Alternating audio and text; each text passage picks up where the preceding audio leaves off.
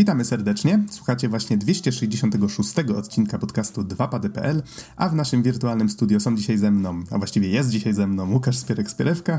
Witam wszystkich. A mówi Adam Noxa 15 Dębski. Nagrywamy w czwartek, 4 kwietnia 2019. I mamy dzisiaj dla Was całkiem sporo tematów, więc musimy się starać się kompresować. Trochę dlatego, że recenzja, która yy, prawdopodobnie trafi na okładkę, główny materiał tego odcinka trochę nam się rozrosła. Zaprosiliśmy Arka Rejkowskiego i razem z nim recenzujemy Resident Evil 2, konkretnie właśnie remake, który wyszedł w tym roku. Wspominaliśmy o nim już e, we wstępie, może nawet w dwóch, już nie pamiętam dokładnie, ale jakieś pierwsze wrażenia na podcaście już się pojawiały. Teraz żeśmy się grze przyjrzeli dużo dokładniej. W sumie taka zabawna e, rzecz, bo rozmawialiśmy bardzo, bardzo dużo na temat Devil May Cry w marcu właściwie ta gra zdominowała ten miesiąc u nas, e, a recenzja Rezydenta powstała wcześniej, więc no, taki trochę paradoks czasowy. Widać, widać kto tu jest fanboyem jakiej serii w tym podcaście. E, no, jeżeli chodzi o surfera, to tak, surfer, mm, no, tak, jest, jest fanboyem Devil May Cry'a. Niemniej, niemniej tak, zmierzałem właśnie do tego, że w sumie Capcom Capcom ma dobry początek roku. Sporo Capcom ma na temat... dobrą pasę ostatnio, naprawdę tak, dobrą. Tak, bardzo. I to przez ostatni rok, może nawet dwa, mm. i to mhm. widać, że to jest coś, co planowali od dłuższego czasu. No przecież te gry nie powstały z dnia na dzień. Mamy tak, Monster Hunter World, mamy przecież teraz e, właśnie Residenta dwójeczkę dobrze przyjętego, mamy... No wcześniej e... był Resident 7. Też bardzo dobrze tak, przyjęty. Tak, właśnie, Resident 7 bardzo dobrze przyjęty. Mega Man 11 chyba też całkiem ciepło, tak mi się wydaje. Właśnie nie, nie, kończyłem go, nie czytałem, ale wydaje mi się, że tak. Chyba nie, nie, było słychać, żeby coś tam było nie tak z nim. E, no i właśnie teraz ten Devil May Cry. Mm, trochę jeszcze wrócimy do Devil May Cry'a, ale tylko na chwilkę, wybaczcie, że aż tyle o nim mówimy. Spierek chciał jeszcze odrobinę powiedzieć na temat tego, mhm. jakie są jego wrażenia. E, żeby nie było za dobrze, nie będziemy mówić tylko o dobrych grach, bo dzisiaj poruszymy też trochę temat Left Alive, na które z surferem mocno żeśmy czekali. Mieliśmy okazję Pogracie trochę, ale o tym za chwilę. E, wspomnimy jeszcze, jak się uda o kilku innych grach w ramach pierwszych wrażeń. Zobaczymy. Mamy tutaj małą listę, ale zobaczymy, jak będziemy musieli się mocno streszczać. E, no i oczywiście zakończymy całość właśnie tą wspomnianą recenzją Residenta dwójeczki. Tak więc może, żeby za mocno nie przedłużać, to Zacznijmy może już, skoro już tak poruszyliśmy ten temat tego Devil May Cry, właśnie od tego, czyli Spierek, jaka jest twoja tak. opinia na temat gry? Bo wspomniałeś, że jest taka, jak to ująłeś, ofensywna? Znaczy, e, cieszę się, że nie jestem surferem na jednym podcaście, aczkolwiek przyznam się bez bicia, e, przyznam się bez bicia, że e, nie przesłuchałem jeszcze waszych opinii, chłopacy, bo nie miałem, nie miałem czasu mm -hmm. jakby mhm. przesłuchać odcinka, który wyszedł. E, Powiem jedynie, nie że wiem... nie, były, nie były do końca hura optymistyczne, a może były. No tak. na, na pewno widzieliśmy, okay. że gra nie jest idealna, o może tak. Hmm. Znaczy przede wszystkim e, jakby grałem we wszystkie części Devil May Cry'a poza dwójką. Dwójka to jest taki jedyny, jedyna brakująca dziura w moim arsenale. I, Niczego nie tracisz. Też tak słyszałem, więc nie czuję się z tego powodu jakoś bardzo źle. E, I jakby piąt do piątki podchodziłem z wysokim optymizmem, bo jakby uznałem, że czwórka była całkiem niezła, E, reżyser jest, wydaje mi się, że ten sam. Popraw mnie, jeśli się mylę. Hmm, chyba. O rany, rany, surfer nawet o tym mówił. Mm. Na mhm. pewno tworzył którąś z poprzednich części, ale. On, rany, wiem, że on pamiętam. sprzątał dwójkę do kupy, jak tam inny reżyser. Mniejsza. E, e, był pewien optymizm, jakby mieli tyle lat, żeby to podszlifować. Grałem w demo przed premierą, jedno, drugie i całkiem mi się podobało. E, podchodziłem taki dosyć okej, okay, to będzie świetna gra, się będę świetnie bawił, ona wygląda fajnie, muzyka się zgadza. E, no i, i kurde, czegoś, czegoś mi trochę zabrakło. W sensie przede wszystkim e, gra wygląda bardzo fajnie, w teorii. E, efekty specjalne są bardzo fajne, modele postaci są bardzo fajne, ale mega, mega nie spodobało mi się to, jak dużo tej gry dzieje się w takich super szarych korytarzach. Tak naprawdę przez... Zaczynamy grę w zrujnowanym mieście ala Londyn, które jest e, w szarym Londynie. Potem wchodzimy do szarych podziemi, potem idziemy szarym metrem, a potem wchodzimy do szarego drzewa i dopiero pod koniec gry, tak dosłownie jakby ostatnie 20%, zaczynają się pojawiać jakiekolwiek bardziej intensywne kolory dookoła. I ja osobiście odebrałem to jako straszny regres. Znaczy wiem, że jakby ta seria nie jest super wielobarwna, pomijając DMC Devil May Cry, ale do tego za chwilę. Ale no tak smutno się po prostu patrzy na te otoczenia, szczególnie, że jakby no, oko trochę wędruje dookoła i tak naprawdę zauważałem, że ciężko było mi skupić wzrok na tym, dokąd mam iść przez większość czasu, dlatego że wszystko było, wszystko było takie strasznie jednolite. Nie wiem, czy ty też odniosłeś takie wrażenie, grając tą grę. Mhm. To chyba było największe, naj, największy minus, jaki żeśmy dostrzegli, bo tak to i gameplayowo nam się bardzo fajnie grało. W sumie to była taka rzecz, do której najłatwiej się było przyczepić, tak? Nie trzeba było mhm. daleko szukać. Ale Osobiście i tak podobało mi się to bardziej niż to, co zrobili w czwórce, że właściwie połowa gry to było to samo, tylko w drugą stronę. Więc... No nie, no powiedzmy, że, że jest lepiej niż to. Jest, jest tak, zdecydowanie lepiej niż to. E, natomiast dużo bardziej mi się to podobało, bo każda lokacja była zaprojektowana od podstaw, tak? No, natomiast e, porównując to na przykład do DMC Devil May Cry od Ninja Fury, no jest gigantyczny regres. Znaczy wiem, że to nie jest to samo studio, ale tam, tam ta gra jakby tętniła życiem, tętniła kolorem, miała jakby swoją identyfikację wizualną, miała ten swój gimmick z tym, że rzeczy się, e, że jakby otoczenie się transformowało przed nami i to było super stymulujące i powrót do właśnie takich szarych korytarzy był po prostu... Ech, i za każdy. I, i, podczas kiedy piąty raz z rzędu, w piątej grze z rzędu, wchodzę do biblioteki i pojawia się ten przeciwnik z nożyczkami w, w pokoju z biblioteką, to mnie szlak trafia. No, ale to akurat było fajne nawiązanie do, do poprzednich części. Znaczy ja wiem, że to jest bardziej na zasadzie nawiązania, no ale jakby wciąż. Znowu szara biblioteka, e, przeciwnik, który jest czarną masą, z białą maską i, i szarymi mm -hmm. nożyczkami. I to jest takie... A wiesz co, akurat powiem ci, że pamiętam, że wymieniliśmy bibliotekę jako jedną z takich miejscówek, które... W sumie szkoda, że nie było ich więcej że one tak nawiązywały okay. trochę właśnie do jakichś takich wnętrz pałacowych, coś takiego bardziej e, no w tak, stronę no, jedynki, trójki. Mm, właśnie jedynka, trójka miały takie bardziej, działy się w jednym konkretnym zamkniętym miejscu i tam miało bardziej sens istnienie takiego pomieszczenia. Tutaj szliśmy przez teren i no, jakby nie spotkasz, nie uświadczysz biblioteki w metrze. E, ale kontynuując no, to dalej. tam było, e, było, miasto, można było trafić w różne mm -hmm. miejsca, nie? Miało to sens. Kontynuując dalej właśnie moje narzekania, jakby system walki rzeczywiście jest bardzo dobry, jest bardzo zróżnicowany, ale ja personalnie uważam, że bawiłbym się w tej grze lepiej, gdyby w tej grze były tylko dwie postaci, a może nawet i tylko jedna postać. Ponieważ te systemy walki są na tyle odmienne od siebie. W sensie Nero gra się tak bardzo inaczej niż Dante i tak bardzo inaczej niż Vi, że za każdym razem, kiedy gra narzucała mi zmianę postaci, to ja nie traktowałem tego z radością i entuzjazmem na zasadzie takiej, o, teraz zagram sobie w ten fajny sposób i, i to będzie zróżnicowanie, tylko miałem taką chwilę grozy na zasadzie patrzę na pada i myślę sobie, okej, okay, to jak teraz tą postacią grało się w sposób efektywny? I takie właśnie przerzucanie nas pomiędzy tymi różnymi postaciami, ja wcale nie odebrałem tego jako plus, tylko odebrałem to jako problem, z którym ja muszę sobie poradzić, bo teraz muszę sobie przypomnieć, jak tutaj się robiło te rzeczy tą konkretną postacią.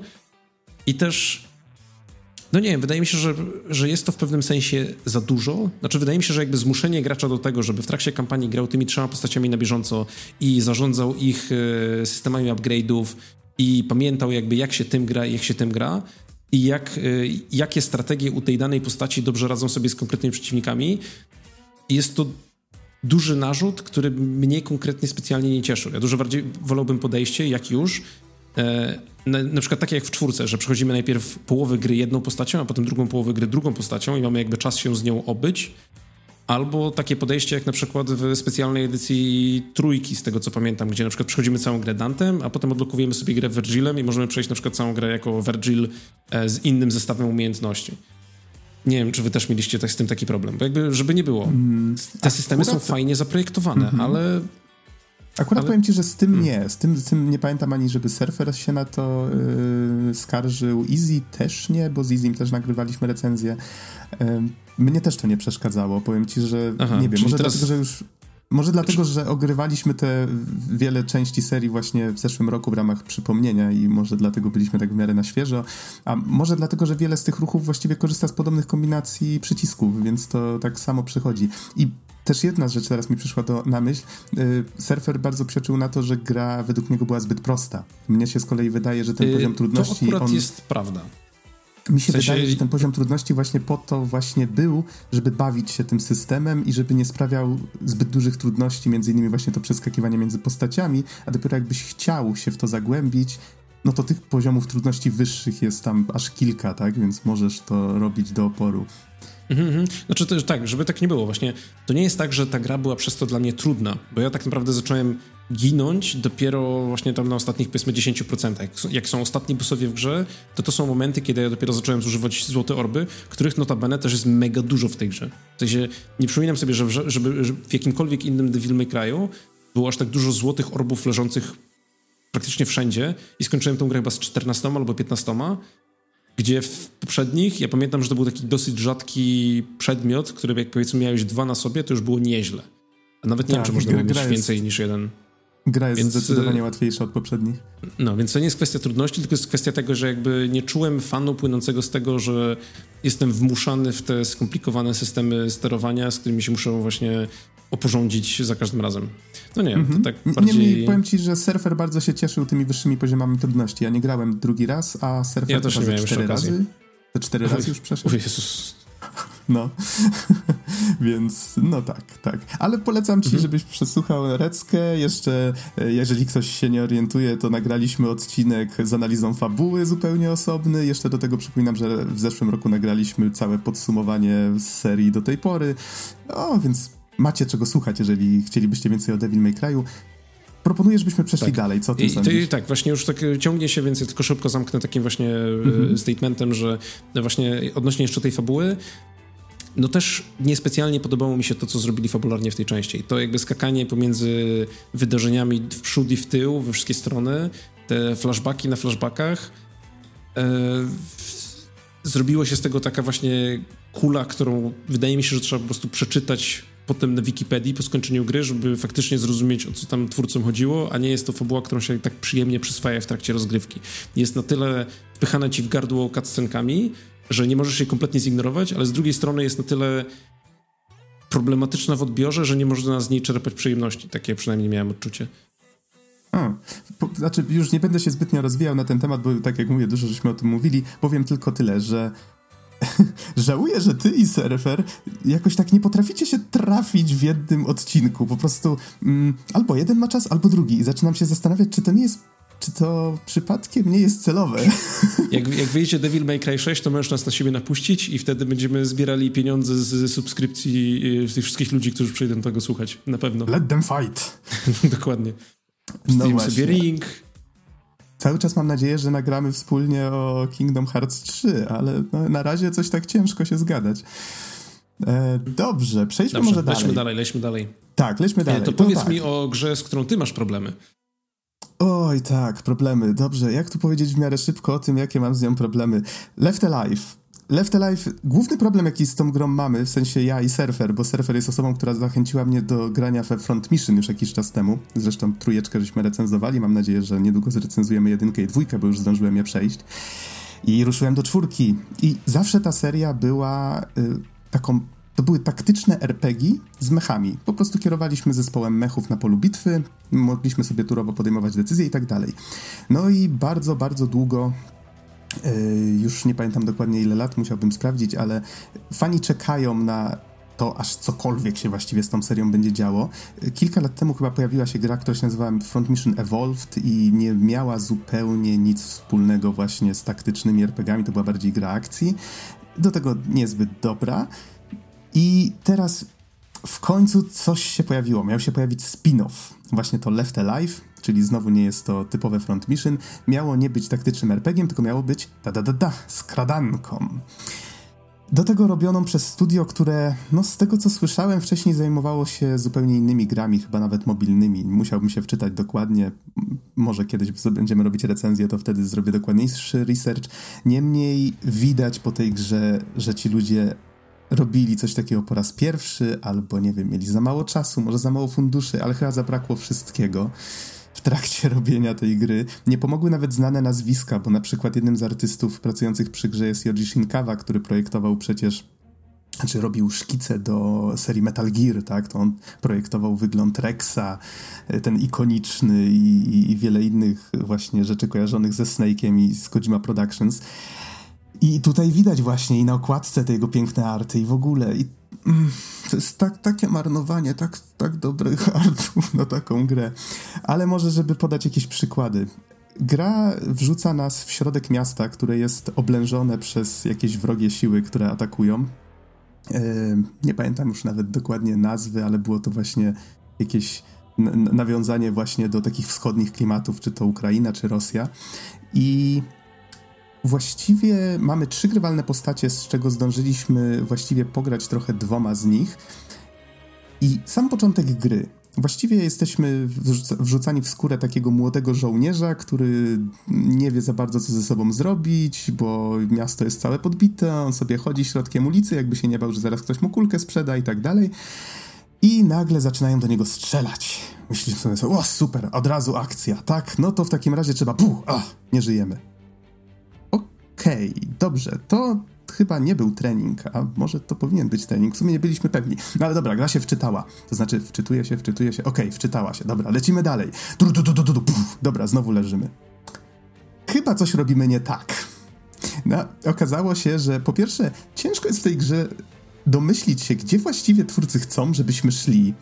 Jesteśmy pod ostrzałem już od samego początku, więc można zrobić rage quit po pierwszej minucie, jeżeli ktoś jest bardzo niefartowny. E, do tego masa rzeczy, od animacji po mechaniki, które nie są jakoś dobrze wytłumaczone albo są wręcz zbyt dobrze wytłumaczone, czyli powiedzmy pojawia się ściana tekstu, której człowiekowi zupełnie się nie chce czytać i autentycznie każdy ekran tutoriala, który się pojawiał w tej grze przez pierwszą misję, którą żeśmy przeszli, to była ściana tekstu i nie, po prostu ze względu na to, że akurat była, powiedzmy, byliśmy w grupie znajomych, tak nie chcieliśmy się w to mhm. dokładnie zagłębiać, po prostu przewijaliśmy to. I to na pewno też nam nie pomagało. Niemniej gra we wszystkim, co się w niej widzi, we wszystkim, co się w niej próbuje gameplayowo zrobić, widać brak szlifu albo brak właśnie jakiegoś zamysłu. Ogólnie idea jest taka, że twórcy chcieli zniechęcać gracza od używania siły, ale skutkuje to tym, że po pierwsze, wszelka broń palna, celowanie z niej jest po prostu okropne. Yy, siła tej broni palnej też jest raczej słaba.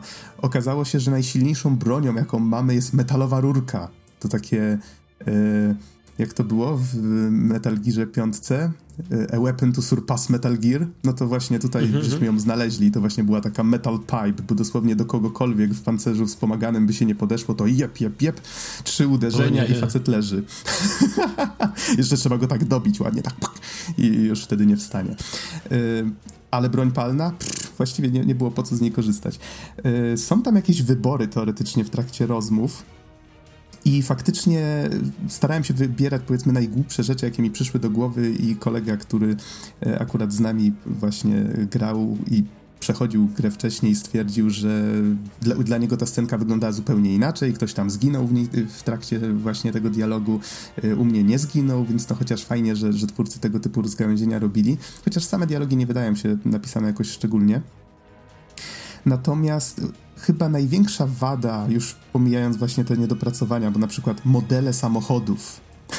modele samochodów wydają się jakby w ogóle nie miały szyb co prawda może to dlatego, że miały wyglądać jakby były pokryte śniegiem, ale wyglądają tak, jakby po prostu ktoś nie, nie wymodelował tych szyb w tych samochodach, yy, więc to jest... Może to są szyby przyszłości, po prostu ich nie widać. Tak, te, też tak myślałem, zastanawiałem się nad tym głęboko, bo to, to nie można tego wykluczyć przecież. No w końcu po tym mieście chodzą wielkie mechy. To jest jeżeli miałbym szukać plusa, to to jest właśnie to, co mi się spodobało, że jak wylądował na spadochronie Wanzer, czyli właśnie tak nazywane są maszyny bojowe, właśnie te kroczące w świecie Front Mission. Jak wylądował na spadochronie Wanzer, czy tam może nie tyle na spadochronie, co po prostu włączył silniki rakietowe tuż przy e, lądowaniu i gdzieś tam uderzył o ziemię, e, powiedzmy ulicę dalej, to, to było takie fajne uczucie na zasadzie wow, to tak fajnie pokazuje skalę, że wcześniej zawsze obserwowaliśmy te akcje z góry i te robociki tam się poruszały między tymi małymi budyneczkami i tak dalej, a tutaj nagle wielka góra spada z nieba i zaczyna patrolować ulice. I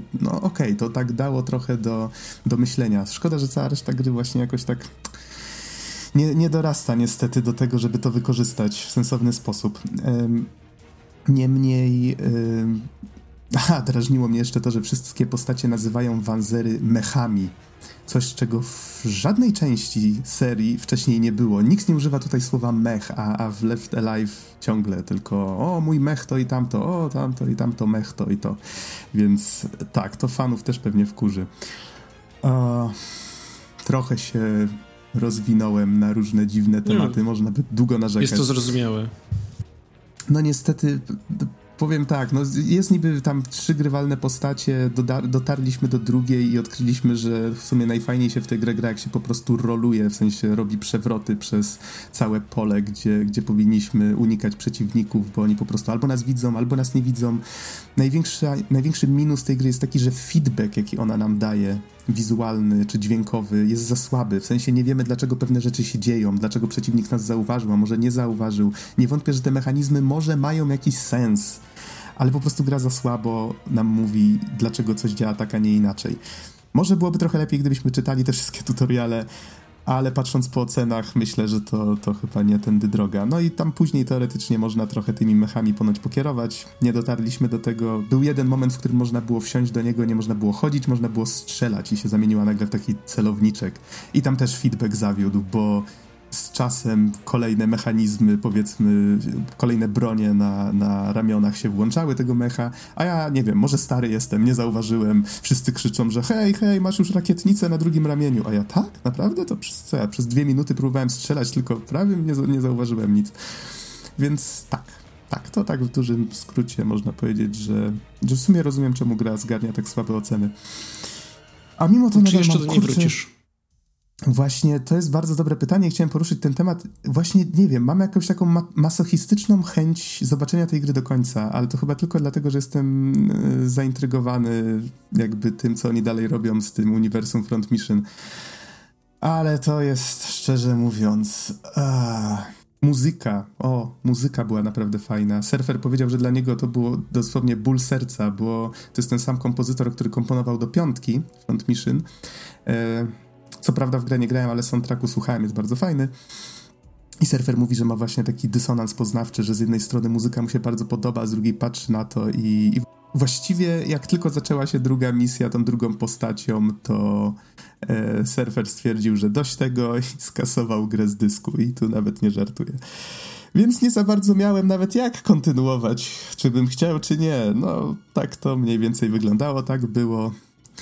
I, I na razie chyba tyle o Left Alive. Nie zdziwcie się, jeżeli przez dłuższy czas nic nie będziemy na ten temat mówić, bo właściwie nie planuję wydawać na tę grę tyle pieniędzy, ile, ile, ile Square Enix sobie życzy. Tak, dokładnie tak. Jeżeli będzie dostępna za jakieś śmieszne sumy, albo może pożyczę od kogoś, to, to może wtedy z czystej ciekawości, niekłamanej, masochistycznej sprawdzę, ale tak to nie. Przejdźmy może dalej, do czegoś ciekawszego, lepszego, może bardziej do czegoś zdecydowanie bardziej na czasie. No właśnie, powiedz mi, czy, czym jest właściwie Baba Is You? Bo widzę, że chciałeś o czymś takim powiedzieć. Mhm. Baba Is You jest grą logiczną dla masochistów. No nie, nie znowu. E, Baba Why? Is You jest e, grą o uroczym zwierzaczku, który nazywa się Baba. Nie wiadomo, czy to jest królik, czy to jest niedźwiedź, czy to jest nie wiadomo co. W każdym razie jest taki biały jakby misio, królik, coś, e, który zajmuje jedną kratkę na ekranie e, i cały poziom składa się z siatki, trochę jak w Sokobanie. Sokoban to jest ta gra, gdzie chodzi się ludkiem i przesuwa się skrzynki po to, żeby na przykład przesunąć te skrzynki w odpowiednie miejsca, wtedy blokowuje się wyjście i możemy iść do następnego poziomu. Jakby e, kiedy stoimy obok jakiejś rzeczy, to możemy ją przesunąć. Ale twist w Baba Is You polega na tym, że e, jest, zamiast skrzynek czyli po prostu jakby pudełek, mamy słowa. I słowa dzielą się na trzy kategorie. Mamy e, na przykład tytułowe Baba is you też jest właśnie taką sekwencją słów. E, mamy obiekty, czyli na przykład baba jest obiektem. Mamy is, e, czyli takie słowo jakby kontrolne, które pozwala łączyć ze sobą dwa inne, dwa inne słowa. I trzecią kategorią są zasady. Czyli na przykład you jest zasadą. Dlatego baba is you warunkuje, że y, baba, czyli właśnie ten y, króliczek, jest y, graczem, w sensie, że my nim sterujemy. Ale jeżeli na przykład znajdziemy słowo, które oznacza na przykład inny obiekt, który znajduje się na mapie, na przykład flaga, i użymy z tego słowo flag is you, to będziemy mogli zamiast baby chodzić flagą. Albo na przykład trawą, albo wodą. I Czyli na przykład tej wody zabawa... może być więcej na całym poziomie. Taka zabawa w programowanie trochę? Tak, to jest taka trochę zabawa w programowanie i trochę zabawa w logikę, gdzie musimy wykorzystywać elementy na mapie po to, żeby dojść do celu. I poziomy zaczynają się w bardzo, bardzo prosty sposób, bo to jest de facto gra w tworzenie reguł i zmienianie tych reguł w sposób, który działa na naszą korzyść. E, I takie przykładowe rzeczy, które na przykład zdarzają się dalej, to e, mamy jakby e, tego swojego babę i jest baba is you. Koło nas znajdują się, znajduje się rząd kamieni, przy których napis... I gdzieś indziej znajduje się zasada na przykład rock is push. I póki rock is push, to możemy podejść do kamieni, przesunąć się i przejść na drugą stronę. Ale jeżeli na przykład wyłączymy push, to na przykład kamienie mogą... możemy przestać być w stanie je przepychać i jeżeli gdzieś indziej jest na przykład zasada rock i stop, to nie możemy przejść przez te kamienie. Ale jeżeli na przykład rozsuniemy rock i stop, to kamienie stają się jakby obiektem niefizycznym. W sensie widzimy narysowany, narysowaną grafikę, ale ona jest jakby duchem, możemy po prostu przez nią przejść. E, dalej mamy na przykład takie rzeczy jak e, e, door is lock, czyli drzwi są zamknięte i key is open, czyli klucz jest, klucz otwiera rzeczy.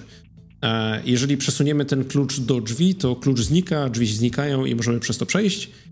Tyle, że jeżeli na przykład klucz nie ma nigdzie zasady key i push, to nie możemy go pchać. Ale może na przykład gdzieś jest zasada key, może na przykład gdzieś możemy skonstruować zasadę key i pull, e, która pozwala na przykład ciągnąć ten klucz ze sobą. I to są tego typu e, wprowadzane są coraz bardziej skomplikowane słowa i coraz bardziej skomplikowane zasady, które my musimy jakby używać na swoją korzyść. I powiedzmy pierwsze 10 do może 15 poziomów jest takie całkiem, o, to jest przyjemna, sympatyczna gra, którą jestem w stanie przejść i czuję się dobrze ze sobą, a gdzieś mniej więcej po tym momencie jest taki e, krzywa trudności zaczyna iść gwałtownie coraz, coraz to wyżej i ja już jestem na tym etapie, chyba po skończeniu około 60 poziomów w grze, podobno jest ich 200, tak mi się wydaje, coś koło 200. E, gdzie już faktycznie, jak siadam do nowego poziomu, to to jest takie 20 minut rozkminiania, okej, okay, na co szalonego tym razem wpadł twórca tej gry. E, bo zaczynają, zaczynają pojawiać się naprawdę, naprawdę dzikie rzeczy. E, bo nie, nie wiem, czy to sprecyzowałem, ale jakby to, co dostajemy na poziomie na samym starcie, to jest wszystko, co mamy do dyspozycji. W sensie nie mamy żadnych dodatkowych, jakby nie możemy wyciągać e, słów znikąd, ale są pewne słowa, które pozwalają e, zmieniać ten stan, nazwijmy to. E, jednym z moich na przykład faworytów jest poziom, który się nazywa Where is the Key, gdzie mamy właśnie taką relację na zasadzie znajduje się flaga, do której musimy dojść, za drzwiami, które są zamknięte, e, jest baba, jest pudełko i jest kilka zasad. Jest y, wśród tych zasad na przykład znajduje się key is open, ale nigdzie na planszy nie ma klucza. I musimy my wykombinować, jak, jak wykorzystać te elementy na scenie, po to, żeby sprawić, żeby ten klucz się tam znalazł, po to, żebyśmy mogli go rozwiązać. Bo jakby e, bardzo szybko na tych poziomach zwykle widać, jaki jest nasz ostatni ruch, jakby co musimy zrobić, żeby e, móc wygrać, ale dojście od miejsca, w którym się znajdujemy, do miejsca, gdzie chcemy być, zwykle wymaga naprawdę, naprawdę sporo pogłówkowania. E, gra dostępna jest na PC, na Switchu i wydaje mi się, że to jest na tyle chyba teraz. Nie wiem, czy jest na innych konsolach dostępna. Z tego, co widzę na wiki, to jest Windows, Linux, macOS, Nintendo Switch i premiera była 13 marca. Tak. Y, I bardzo, bardzo polecam, szczególnie właśnie na Switchu, bo to jest y, bardzo dobra gra do grania w podróży. Jak sobie możecie właśnie siąść w pociągu i po prostu jakby okej, okay, nic wam nie przeszkadza i teraz skupiacie się na rozwalaniu tych zagadek. E, Plus wydaje mi się, że to jest bardzo fajna gra do grania z drugą osobą. Jak macie na przykład dziewczynę albo znajomych, albo kogoś, kogo możecie po prostu wziąć pod pachę i posadzić ze sobą, to to jest bardzo fajna gra do tego, żeby usiąść sobie razem i jakby wspólnymi siłami starać się wykombinować te zagadki i być może druga osoba zauważy coś, co pierwsza przeoczyła. E, trochę podobnie jak Obradini, trochę podobnie jak na przykład The Witness. E, więc wydaje mi się, że zdecydowanie polecam, chociaż e, spodziewałem się po tej grze odrobince więcej, bo E, tfu, spodziewałem się po tej grze odrobinką więcej e, takich właśnie poziomów e, jakby przystosowujących nas. Nie spodziewałem się, że aż tak szybko wystrzeli z trudnością. Natomiast wydaje mi się, że jest na tyle ciekawa, że mogę ją polecić z czystym sumieniem. Mhm, czy to już właściwie można uznać, uznać za mini recenzję, czy nie przeszedłeś jej jeszcze? Yy, jeszcze jej nie skończyłem. Yy, Okej. Okay. Powiedzmy tak, odblokował mi się poziom, który nazywa się The Finale, ale na mapie świata, bo tam jest taka jakby mapa, po której możemy chodzić i odblokowujemy kolejne poziomy, do których możemy wchodzić, yy, widzę, że jeszcze jest sporo, więc E, okay. nie, nie wiem, czy zrobię z tego pełną recenzję, bo nie wiem, czy tam dalej pojawiają się jakby rzeczy, o których mógłbym faktycznie gadać w takiej większej recenzji. Natomiast e, myślę, że już jakby teraz jestem w stanie to z czystym sumieniem polecić osobom, które lubią wyzywające gry logiczne, właśnie takie jak The Witness albo na przykład Snakebeard, to, to mhm. jakby spokojnie możecie w to wskakiwać. Okej, okay. skoro podałem trochę encyklopedycznych informacji, to może jeżeli chcielibyście zagrać w abominację, jaką jest Left Alive, to możecie to zrobić na PC PS4, tak już wracając na moment do tego. I ta gra akurat wyszła w Japonii 28 lutego, u nas 5 marca, czyli tak lecimy trochę po kolei, tak? Left Alive wyszło pierwsze, teraz Baba Is You.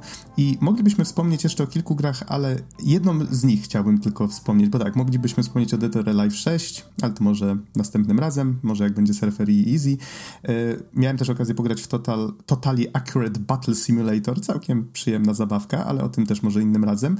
Natomiast coś, o czym, no, myślę, że wielu naszych Jak słuchaczy... Jak mamy okazję, to wspomnijmy. Tak, wielu naszych słuchaczy na pewno czuło, że o tej grze będzie mowa, czyli Sekiro Shadows Die Twice. Yy, I tutaj może, żeby tak szybko od razu podać, PC, PS4, Xbox One. 22 marca była premiera, czyli nie tak dawno.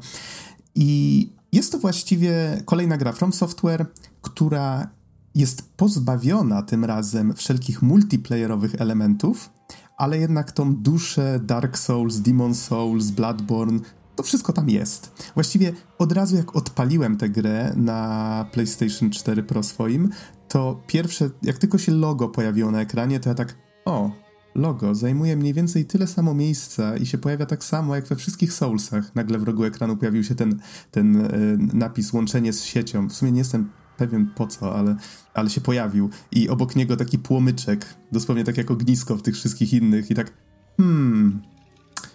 Hmm, tak to wygląda jak taki palec słab, jakby po prostu wzięli i siup, pozamieniali asety na, na coś innego. No oczywiście nie chcę tutaj Sekiro obrażać, bo to trochę obraźliwe to, co teraz powiedziałem, ale e, czuć bardzo mocno, że ta gra powstała na bazie tego, co było wcześniej.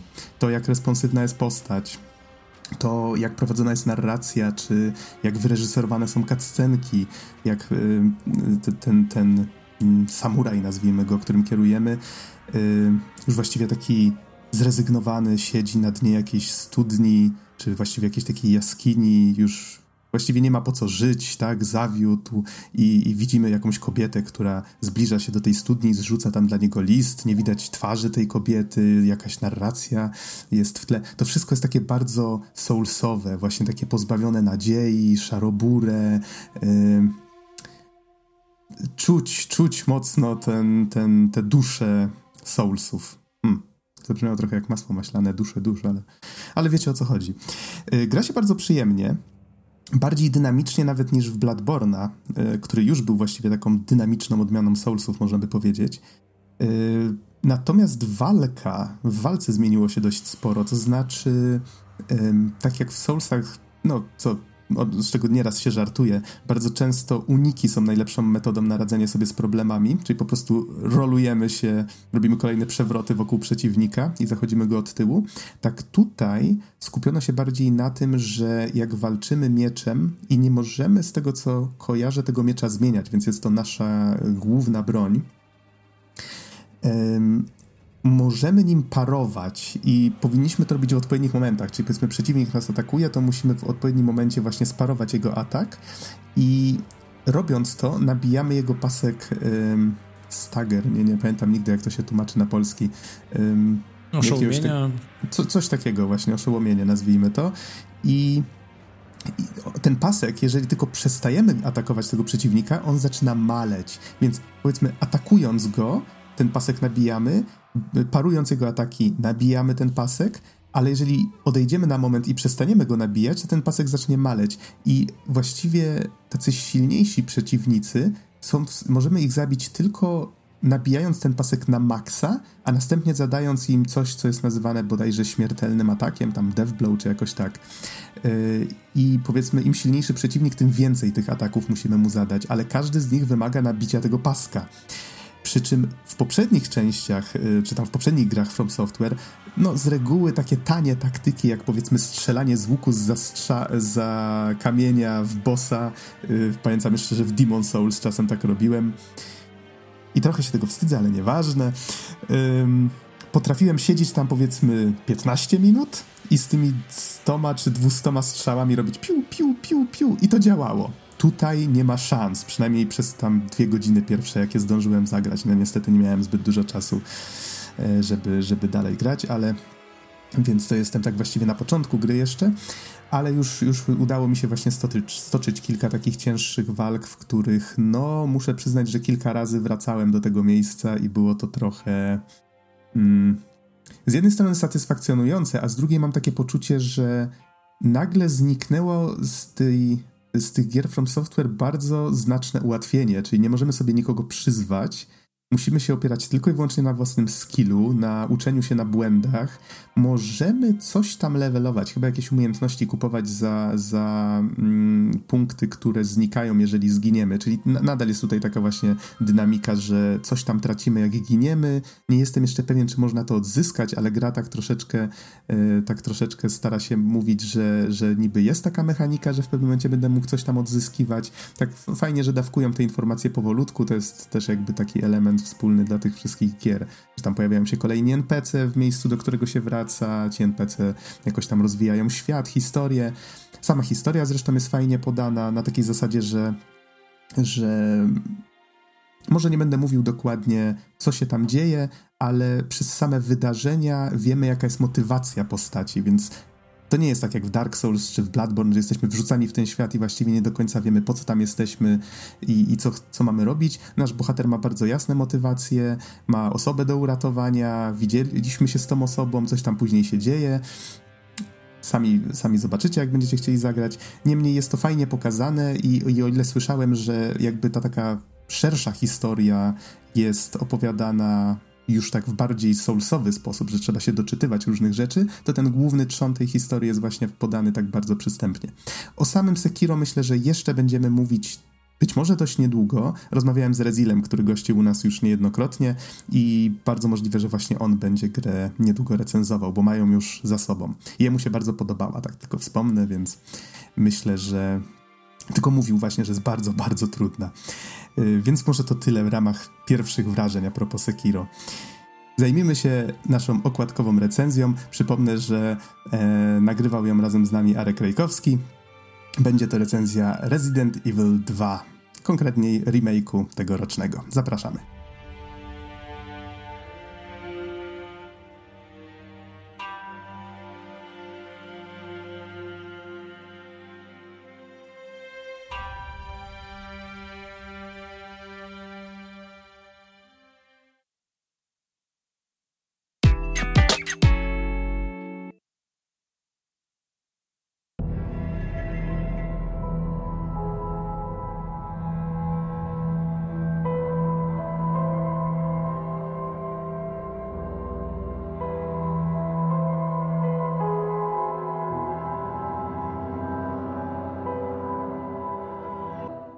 W wirtualnym studio są teraz ze mną Arkadiusz Rejkowski, witaj. Witam, witam.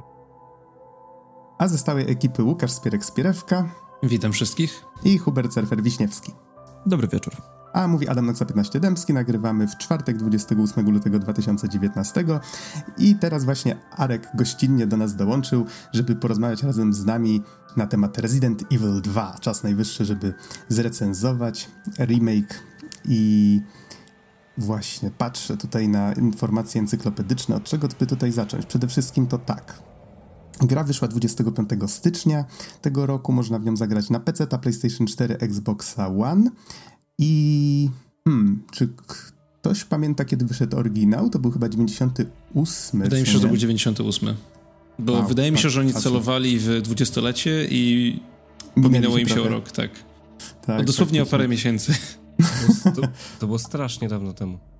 No, powiem wam, że miałem okazję zobaczyć tę grę w ten weekend ponownie i robi wrażenie, jak duży przeskok technologiczny i narracyjny. W ogóle to jest kosmos.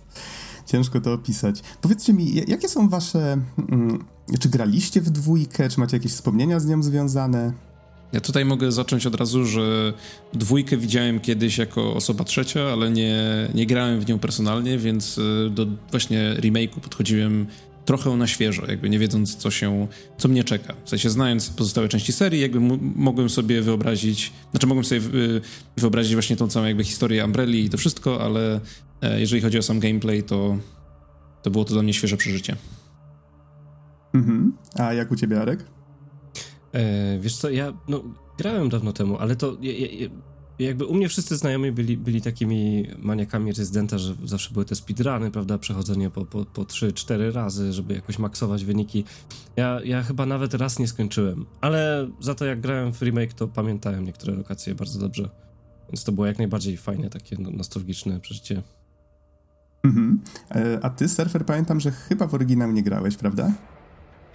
Tak jak mówiłem chyba, że mogło się gdzieś tam zdarzyć, że chwilę grałem i gdzieś tam może mi mignęło przed oczami, jak ktoś grał, ale mm, poza jakimiś tam pojedynczymi informacjami, typu właśnie jacy są bohaterowie, yy, gdzie się rozgrywa akcja i jakieś takie, nie wiem, pojedyncze jakieś informacje, to tak na dobrą sprawę Resident Evil 2 był dla mnie zupełnie nową grą i takim mm, nowym odkryciem, więc w sumie było to fajne, bo e, coś, co wiele osób wiedziało, czego się spodziewać, czy e, no już miało jakieś tam swoje, nie wiem, e, porównanie względem poprzedniej odsłony, znaczy poprzedniej edycji tej gry, powiedzmy. No ja tutaj podchodziłem na świeżo, zresztą w ogóle z serią mam niewielką styczność, bo grałem w sumie, przeszedłem siódemkę i tak resztę to raczej nie za bardzo. Mhm. To ja może przypomnę, bo wspominałem o tym już przy pierwszych wrażeniach z e, surferem, że ja w dwójkę po raz pierwszy zagrałem chyba półtora roku temu, coś koło tego, więc można by powiedzieć, że mam ją na świeżo, chociaż zaskakujące, jak człowiek szybko zapomina pewne szczegóły. I przeszedłem ją tylko w, w takim zestawie, że najpierw Leonem, potem, yy, potem Claire. I to jest o tyle ważne, że yy, znaczy nie próbowałem drugiego scenariusza, a to, to jest może coś, od czego może zaczniemy, czyli taka ciekawostka, jak ta gra była skonstruowana i co próbowano też w remake'u yy, wykorzystać, odwzorować. Powiedzcie mi najpierw, jak dużo gry przeszliście, w sensie remake'u? Y, czy przeszliście ten remake raz, dwa razy, którymi postaciami? I za chwilę mhm. wytłumaczymy naszym słuchaczom, o co właściwie chodzi. Ja za sobą na razie mam tylko jedno przejście Leonem i przymierzam się do reszty. Ja mam no to i... samo przejście Leonem. Ja przeszedłem obiema postaciami oba scenariusze, czyli, mm, czyli cztery razy. Mhm. Tak, bo to może teraz właśnie powiem o co chodzi. Gra jest skonstruowana w ten sposób, że możemy na początku wybrać postać. Jest to albo Leon S. Kennedy, albo Claire Redfield. I dla każdej z tych postaci gra toczy się trochę inaczej. Mamy yy, na przykład spotykamy inne postacie, mamy inne cutscenki, idziemy inną drogą. Mamy też inne bronie, o czym warto mhm. wspomnieć. I tutaj oczywiście nie wchodząc e, w spoilery, ale właśnie większość ludzi zaczyna od Leona, przechodzenie gry.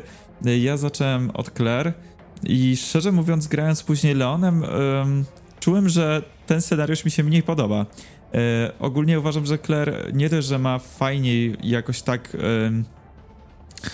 e, z lepszym pacingiem poprowadzoną tą historię, to jeszcze ma dużo ciekawsze bronie. I tamten scenariusz jednak bardziej mi się podoba. I to jest ciekawe, bo e, szkoda, że e, tutaj część naszej ekipy dzisiaj niestety nie przeszła, żeby sobie porównać, bo jestem ciekaw właśnie, jaka też jest opinia innych osób, a niestety nie miałem zbyt wiele osób do pogadania na ten temat, bo większość przechodziła tylko Leona na przykład. E, więc też jestem ciekaw, jakie tutaj wasze opinie będą już po przejściu Claire. Ty, Nox, jeszcze przechodzisz? Ja przeszedłem w remake'u najpierw Leonem, potem przeszedłem scenariusz B Claire ym, i zacząłem przechodzić scenariusz A Claire, powiedzmy tam może godzinę, dwie, czyli niedużo, ale już y, nie na najwyższym poziomie trudności, bo od tego zacząłem. Y, tylko przeniosłem się na najłatwiejszy, żeby przefrunąć i muszę przyznać, że w ciągu tej godziny naprawdę przeszedłem kawał gry, więc y, była, była spora różnica. Ale myślę, że do poziomów trudności jeszcze przejdziemy, bo jest tu pewna ciekawostka ukryta w tym. Niemniej, niemniej tak, udało mi się przejść całą grę obiema postaciami. Jest to o tyle ważne, że trzeba przejść scenariusz A i scenariusz B, żeby zobaczyć pełne zakończenie i tak samo było e, w oryginale. Natomiast można sobie też przejść grę w odwrotnej kolejności, czyli wybierając inną postać dla scenariusza A i wtedy tę drugą postać dla scenariusza B, tak? Wszystkie te scenariusze trochę się różnią. Na takiej zasadzie, że oczywiście przejść grę przynajmniej raz każdą postacią myślę, że się powinno, bo faktycznie te różnice są dość spore.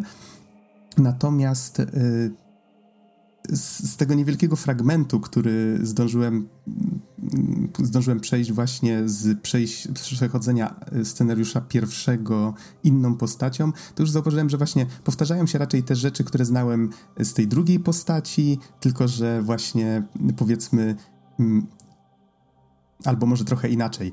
Pojawiał się na przykład jeden NPC w obu scenariuszach A, tylko że w jednym przypadku rozmawiał z nim Leon, a w drugim przypadku rozmawiała z nim Claire, tak? A w scenariuszu B na przykład ten NPC już w ogóle się nie pojawiał.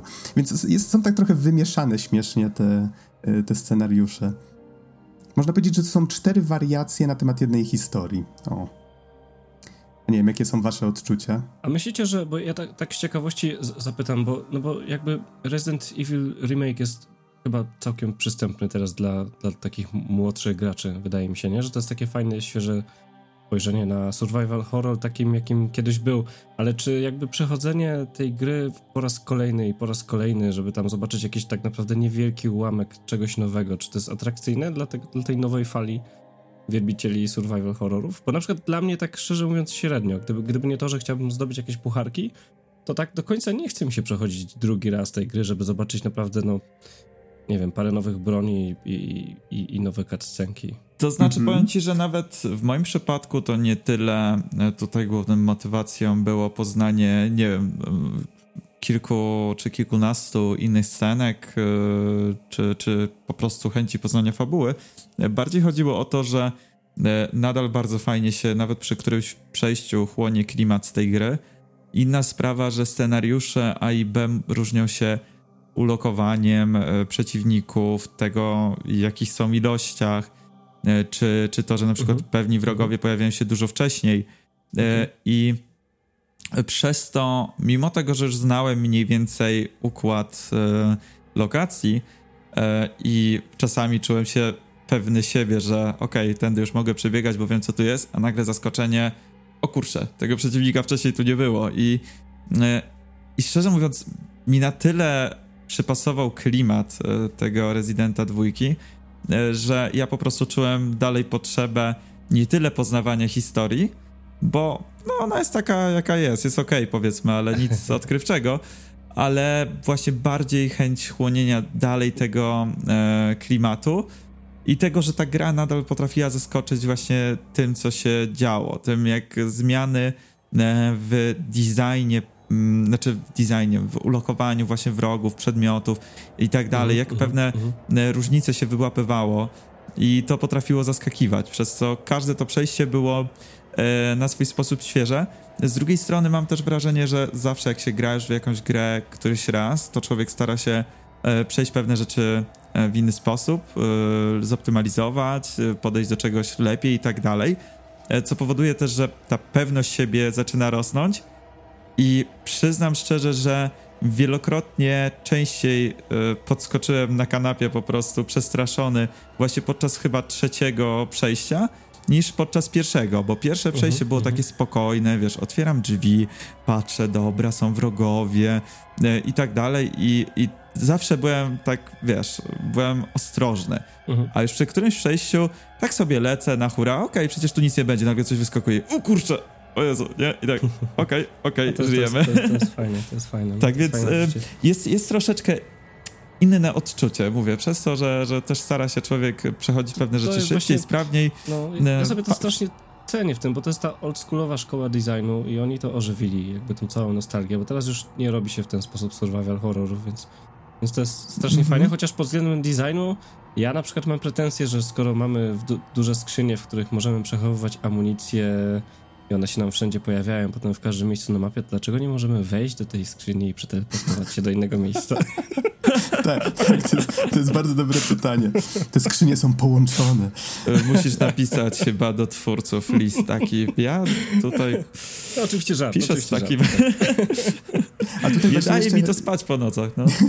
jeszcze jedna rzecz mi się przypomniała, mianowicie tutaj surfer zwrócił uwagę na to, że scenariusz A i scenariusz B, oczywiście, żeby odblokować B, trzeba najpierw przejść A. E, Różni się trochę właśnie tym, jakimi ścieżkami chodzimy, jak przeciwnicy są poukładani, ale myślę, że warto tutaj podkreślić, że granie jedną postacią i granie drugą postacią różni się znacznie pod tym względem, że okej, no kat- o cutscenkach wspomnieliśmy, ale są tu całe sekwencje, e, które różnią się i miejscem, w którym się odbywa akcja, a czasami nawet też niekoniecznie kierujemy tylko tymi dwoma postaciami, więc tutaj takie małe wink-wink, może żeby za dużo nie mówić, ale twórcy się tak troszkę, troszeczkę bawią właśnie pewnymi rzeczami narracyjnie i fajnie im to wychodzi. Oczywiście to wszystko jest mniej lub bardziej wzorowane na oryginale, ale bardzo podobało mi się to, jak tutaj e, to wykorzystali. No i przede wszystkim wszystko tutaj jest wykonane na tak wysokim poziomie, że e, no, aż przyjemnie się to śledzi. I faktycznie przechodzenie tej gry ponownie właśnie na scenariuszu B już e, Claire były takie fragmenty, kiedy faktycznie, tak jak surfer, leciałem przed siebie, bo a tak, tutaj już wiem mniej więcej, co się, co się będzie działo, ale mm, faktycznie zdarzały się też takie, kiedy widziałem rzeczy po raz pierwszy i, i otoczenie, i właśnie em, byłem w jakiejś nowej sytuacji i tak fajnie się te scenariusze teoretycznie spajają ze sobą. To znaczy Jedna- właśnie, żeby nie Mhm. było, że tutaj, e, bo może e, zły wydźwięk miała moja wypowiedź, że tutaj cztery razy przechodzi się tę samą grę. No nie do końca, no tak jak mówisz, e, że e, z jednej strony scenariusz Leona i Claire dosyć mocno się różnią. Nie są to oczywiście dwie zupełnie różne gry, ale no e, znacząca jest różnica. Myślę, że nie wiem, 40-50% tej zawartości to jest coś zupełnie innego. Dodatkowo są różne bronie, ale nawet przechodzenie tą samą postacią e, scenariusza A i B też powoduje, że e, no, gra się w to inaczej. Na przykład pewne przedmioty dostaje się dużo wcześniej, więc możemy do pewnych lokacji dostać się dużo wcześniej. E, to jest inaczej wszystko rozlokowane i tak dalej, więc mm, za każdym razem jednak jest w tym coś świeżego i fajnego.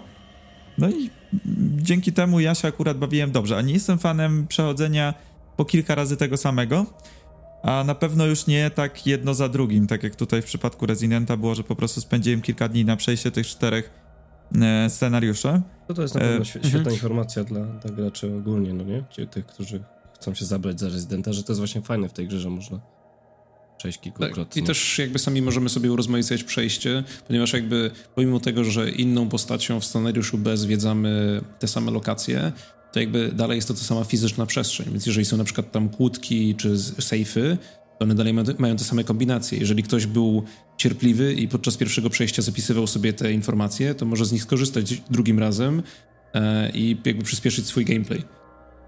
Mhm, tak, zgadza się.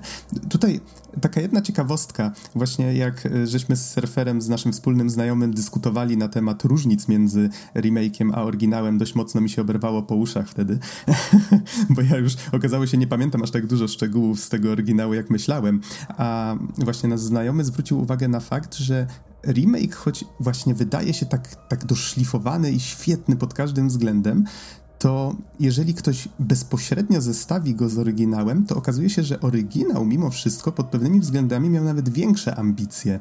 To znaczy, ja nie zdążyłem tego wszystkiego potwierdzić, więc mam nadzieję, że e, informacje, które nam przekazał, były prawdziwe. Może na jakiś odcinek e, podsumowujący serię trochę lepiej się przygotuję na ten temat. Niemniej zwrócił uwagę na to, że scenariusz A i scenariusz B w oryginale, one miały sprawiać wrażenie, jakby działy się w tym samym czasie. Czyli y, Leon i Claire zwiedzają to samo miejsce, tylko właśnie mamy mieć świadomość, że to się dzieje jednocześnie. I na przykład mówił, podał takie przykłady, że jeżeli w scenariuszu A zamkniemy jakieś kurtyny ochronne na okna, no to w scenariuszu B one nadal będą zamknięte.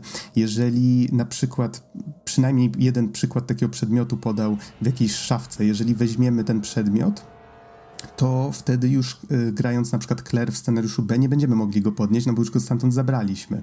Albo sam pamiętam, że był taki patent z drzwiami, które można było otworzyć tylko jeżeli się odciski palców obu postaci e, użyło, czyli dopiero w scenariuszu B mogliśmy go otworzyć pod warunkiem, że w scenariuszu A coś tam innego zrobiliśmy. I tak dalej i tym podobne, więc było kilka takich fajnych m, mm, rzeczy, a fabularnie na przykład postacie jak się spotkały w scenariuszu A, no to Leon z tego co pamiętam dawał Claire krótkofalówkę i powiedział, że będziemy pozostawać w kontakcie i w pewnym momencie mówi, że Słuchaj, Claire, znalazłem tutaj dojście do takiego miejsca i my faktycznie w scenariuszu B dostajemy te informacje od niego właśnie w, przez tą krótkofalówkę, możemy się tam udać.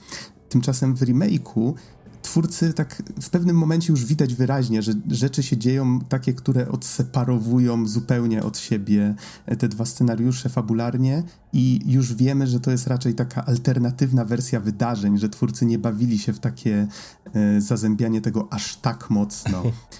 Wiesz co, ja, ja, mam, ja, mam taki, mm, ja mam taki problem z fabułą do tego, w tym remake'u, bo ja staram się jakby nie, nie słuchać do końca dialogów, które tam od, od, odchodzą. Po prostu one są tak strasznie serowe, że no nie jestem w stanie zdzierżyć jakby cho choćby to pierwsze spotkanie Claire, albo nie, to chyba drugie spotkanie Claire i Leona, jak ona tam mówi, że o, przy się, płonącym helikopterze. No, musimy się przestać spotykać w taki sposób, no nie, i to taka miłość, a tam te zombie naokoło po prostu, to jest wszystko tak strasznie złe, e, ale jakby no, co, co ciekawe, jak w innej grze faktycznie by mi to chyba mocno przeszkadzało, tak tutaj w ogóle zauważam to, ale w ogóle mi to nie przeszkadza, no nie?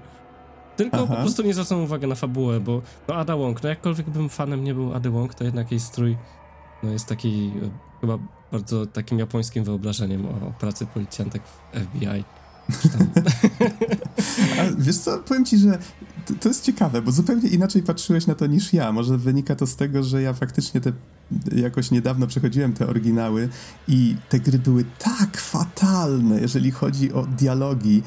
To, to się na, naprawdę w głowie nie mieści, że da się na kolanie napisać coś takiego i jeszcze kazać aktorom to przeczytać, znaczy aktorom, nie wiem, nie wiem, może z ulicy nawet kogoś wzięli, pojęcia nie mam, ale to było czytane przez roboty, napisane na kolanie i jest tak złe, że aż śmieszne.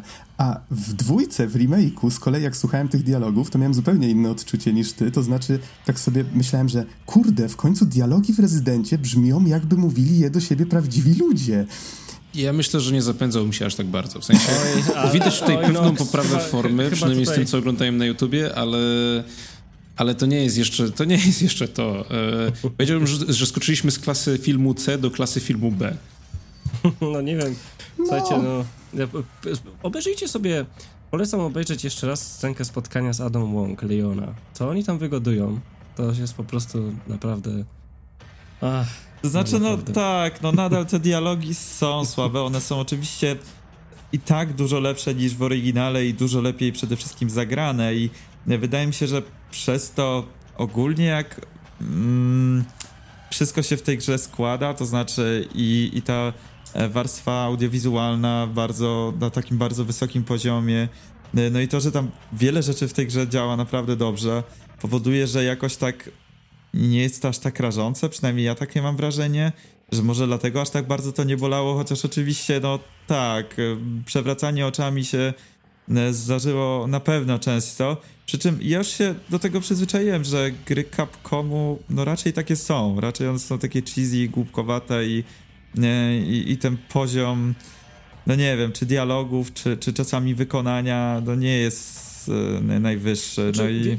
Wiecie, no Resident Evil 7 E, był dość fajnie poprowadzony fabularnie. Dialogi też były niczego sobie, no nie? To też nie była jakaś najwyższa półka, ale jakby no było to e, jak najbardziej akceptowalne. Tutaj e, no tutaj jest, jest, jest bardzo, bardzo różnie. No może tutaj ta ilość tego cheesiness wynika z tego, że no jednak jest to remake poprzedniej części, mhm. może chcieli zachować Myślę, tak. Myślę, tak. troszeczkę tych głupotek, troszeczkę takich no nie wiem, czy, czy smaczków, czy głupotek, które, które jakimś tam fanom starszym mogłyby się spodobać.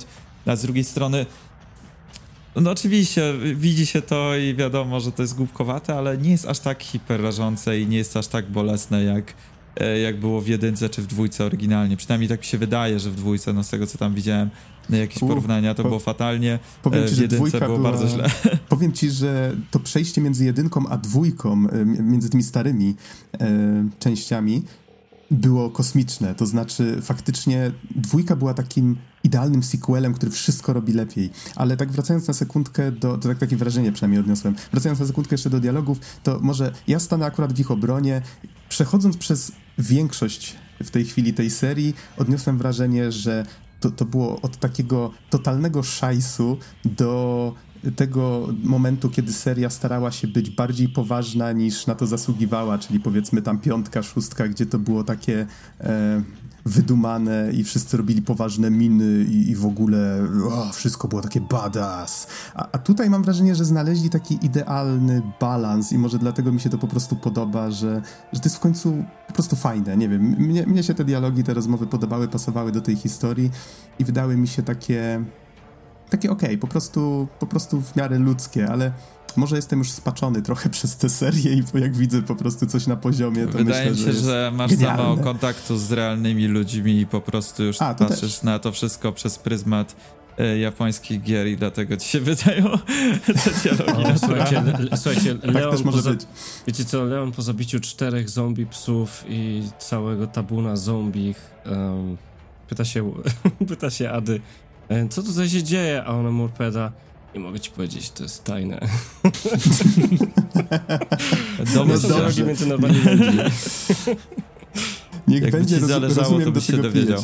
E, słuchajcie, ale może tak, bo tutaj śmieszki, heheszki, jakieś tutaj wygrzebujemy takie mm, e, detale, smaczki i tak dalej, ale może byśmy troszeczkę e, przeszli do większych konkretów, bo wydaje mi się, że jeszcze dużo nam do omówienia zostało. Wiesz co, nie wspomnieliśmy w ogóle o co mhm. chodzi w tej grze, w sensie fabularnie, co tam się dzieje. E, czyli jesteśmy Mówimy... fatalnymi recenzentami. Tak, jesteśmy fatalnymi recenzentami, to prawda. E, pokrótce, mamy te dwie postacie, Obie zmierzają w stronę Raccoon City, które już w serii się pojawiało nieraz. I Leon jest początkującym policjantem na pierwszym dniu służby, właściwie jeszcze nie zdążył nawet dojechać do tego posterunku, gdzie ma pełnić tę służbę. Z kolei spotyka Claire na stacji benzynowej, gdzie już oczywiście jakieś zombiaki się panoszą, już wiedzą, że coś jest nie tak.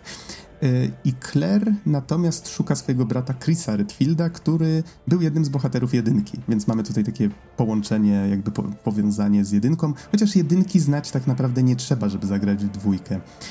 Um, i są to raczej takie smaczki, powiedzmy, związane właśnie z tym, co się tam działo, ale nie jest to w żaden sposób potrzebne do tego, żeby zrozumieć to, to co się dzieje tutaj. No i obie postacie docierają do budynku posterunku, który jest o tyle ciekawym miejscem, że kiedyś był muzeum czyli ma dość ciekawą historię, dość nietypową konstrukcję, e, cała plątanina korytarzy, która po prostu została zaadaptowana do innych celów. No i to, co najważniejsze, tak jak w jedynce mieliśmy jakąś taką nawiedzoną willę, e, jak z jakiegoś właśnie filmu klasy B czy C, e, tak tutaj to miejsce pełni identyczną rolę, mimo że znajduje się w centrum wielkiego miasta i nadal ma taki właśnie trochę creepy klimat, ciemne, mroczne korytarze, co udało się twórcom o tyle fajnie, że oryginał, jak właśnie teraz go sobie przypomnieliśmy, on w ogóle nawet wszystko było takie jasne w tych korytarzach, nigdzie nie było ciemno.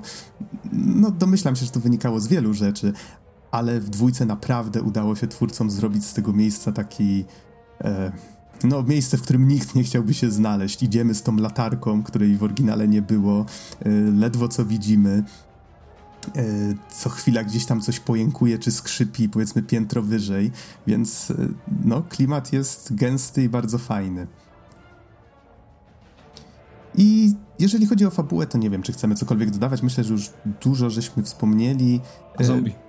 Zombie, tak, tak, wszędzie są zombie, tak, to prawda. I chyba z fabuły, żeby już może zamknąć temat, to dodam jeszcze, że taka dość istotna różnica między oryginałem a remake'iem, którą myślę, że zauważą tylko ludzie, którzy właśnie grali w oryginał, to to, że w oryginale finał gry dość mocno się różnił e, od tego, jak to rozwiązano w remake'u. I mam wrażenie, że to jest taki, taka jedyna rzecz, po której da się poznać, że, że faktycznie w remake'u być może twórcy chcieli zrobić więcej, ale nie starczyło im zasobu i czasu. Bo bo, faktycznie oryginał miał bardzo różne finały. W sensie właściwie cała ostatnia lokacja dla obu postaci była, z tego co pamiętam, dość inna. E, tutaj raczej mam, miałem takie wrażenie, że, że już robię to samo, ale pewne tylko fragmenciki, tam cutscenki, czy powiedzmy jakieś tam już naprawdę pod sam koniec dzieje się coś innego. Ale myśl, wydaje mi się, że jeżeli ktoś po prostu będzie grał w remake jako po prostu, że nigdy wcześniej nie widział oryginału, to nawet się nie zorientuje, że coś jest nie tak, więc ciężko to uznać za jakąś dużą wadę, no chyba, że jest się wielkim fanem e, serii. I już kończąc ten temat, przejdźmy do mechaniki. To serwer, ty chciałeś może trochę o mechanice opowiedzieć, bo tak sugerowałeś, Chciałem. żeby już pchać się dalej. E, chciałem opowiedzieć o mechanice, no mogę opowiedzieć o mechanice. No, no mechanika to jest no gra jest e, prowadzona z e, trzeciej osoby, czyli inaczej niż w ostatniej grze z cyklu, gdzie mieliśmy first person view. Tutaj mamy z trzeciej osoby, tak, kamera jest dosyć blisko za postacią, co powoduje, że jest takie odczucie dosyć klaustrofobiczne momentami. Przyznam szczerze, że nawet na początku mnie to trochę drażniło, bo postać zajmuje powiedzmy e, dużą część ekranu, jeszcze jak wyciąga tą e, rękę z bronią, to mam wrażenie, że w ogóle to pole widzenia jest dosyć małe e, i to było z początku trochę drażniące, ale z czasem no, zauważyłem, że właśnie fajny, taki klaustrofobiczny klimat to tworzy. Jeżeli chodzi o mechanikę strzelania, no to jest ona w dosyć ciekawy sposób zrobiona, bo z jednej strony w porównaniu do tych e, starszych części e, możemy się ruszać podczas strzelania, ale w momencie, kiedy idziemy i staramy się strzelać, nasze e, no, strzelanie jest bardzo niecelne, jest bardzo ciężko w cokolwiek trafić. Inna sprawa, że z tego co wiem, to dopiero po kilku sekundach takiego trzymania w konkretnym miejscu kursora, tego celownika, E, celownik się zmniejsza, jest wtedy szansa na trafienie krytyczne. E, więc e, ta mechanika z jednej strony daje nam wolność, jeżeli jest taka no jakaś mm, nieciekawa sytuacja, możemy właśnie iść czy, czy tam sobie biegać i strzelać, ale jest to dosyć zawodne rozwiązanie. Bardziej preferowane jest strzelanie powolne, tak jak właśnie w tych znacznie starszych częściach cyklu. Właśnie w tych starszych częściach, mhm. przepraszam, ci przerwę, w tych starszych częściach cyklu w ogóle nie można było się poruszać jednocześnie tak. celując. Tak, więc, z jednej strony tutaj dali możliwość poruszania się e, podczas strzelania, ale nadal gra nie zachęca do tego zbyt mocno, więc tak, i tak wydaje mi się, że czasu... po prostu w ten sposób oni znaleźli bardzo fajny balans pomiędzy odmłodzeniem tej mechaniki w taki sposób, żeby jakby gracz teraźniejszy nie czuł, że kontrolsy go ograniczają bardzo mocno, a z drugiej strony właśnie daje graczowi taką możliwość panikowania, bo jakby z jednej strony wiemy, że powinniśmy strzelać stojąc w miejscu i kiedy ten celowniczek jest jeden piksel i strzelimy dokładnie tam, gdzie chcemy, a z drugiej strony jak zombie podejdzie za blisko, to przynajmniej ja tak miałem, że jakby zaczynałem panikować, zaczynałem się oddalać e, strzelając i te strzały leciały zupełnie na wszystkie strony, E, I to jest, to fajnie bardzo podkreśla też jakby to, kim są bohaterowie, że to nie są wyjadacze, zabijaki, tylko to są e, student i nowy policjant, który jeszcze w życiu do nikogo nie strzelał. Zgadza się, więc właśnie e, też moja tutaj myśl koń, kończąca ten mój wywód była właśnie taka, że to jest taki złoty środek między znowu wrzuceniem czegoś starego na pierwszy rzut oka, takiej przestarzałej mechaniki, ale w nowy sposób yy, i w sumie to definiuje praktycznie cały ten remake w moich oczach, właśnie jako taki, taki old school, taki typ gry, której już się nie robi, która nie jest w żaden sposób jakaś nowatorska, ale z drugiej strony ma tyle mechanik yy, przemyślanych w nowy sposób, że właśnie przez tą swoją oldschoolowość wydaje się nadal yy, świeża i może to trochę głupio brzmi, ale właśnie to jest takie bardzo fajne połączenie yy, oldschoolowych pomysłów z nowymi pomysłami, z nowym e, takim e, designem. I właśnie tutaj w tym strzelaniu doskonale to widać. Z drugiej strony nasze postacie też nie są takie super mm, żwawe, to znaczy samo obrócenie się, e, przekręcenie kamery i tak dalej powoduje, że tracimy dużo czasu. I mimo tego, że zombiaki w zdecydowanej większości poruszają się dosyć wolno, to i tak właśnie to e, generuje raz na jakiś czas takie sytuacje, że o kurczę, o kurczę, co robić? Czy próbować jeszcze strzelać? E, jeszcze inna ważna rzecz, że e, sprawa headshotów, która jest tutaj dosyć niejasna. Z tego co wiem, to e, jest to generowane losowo, ile headshotów jest potrzebne na jakiego zombiaka.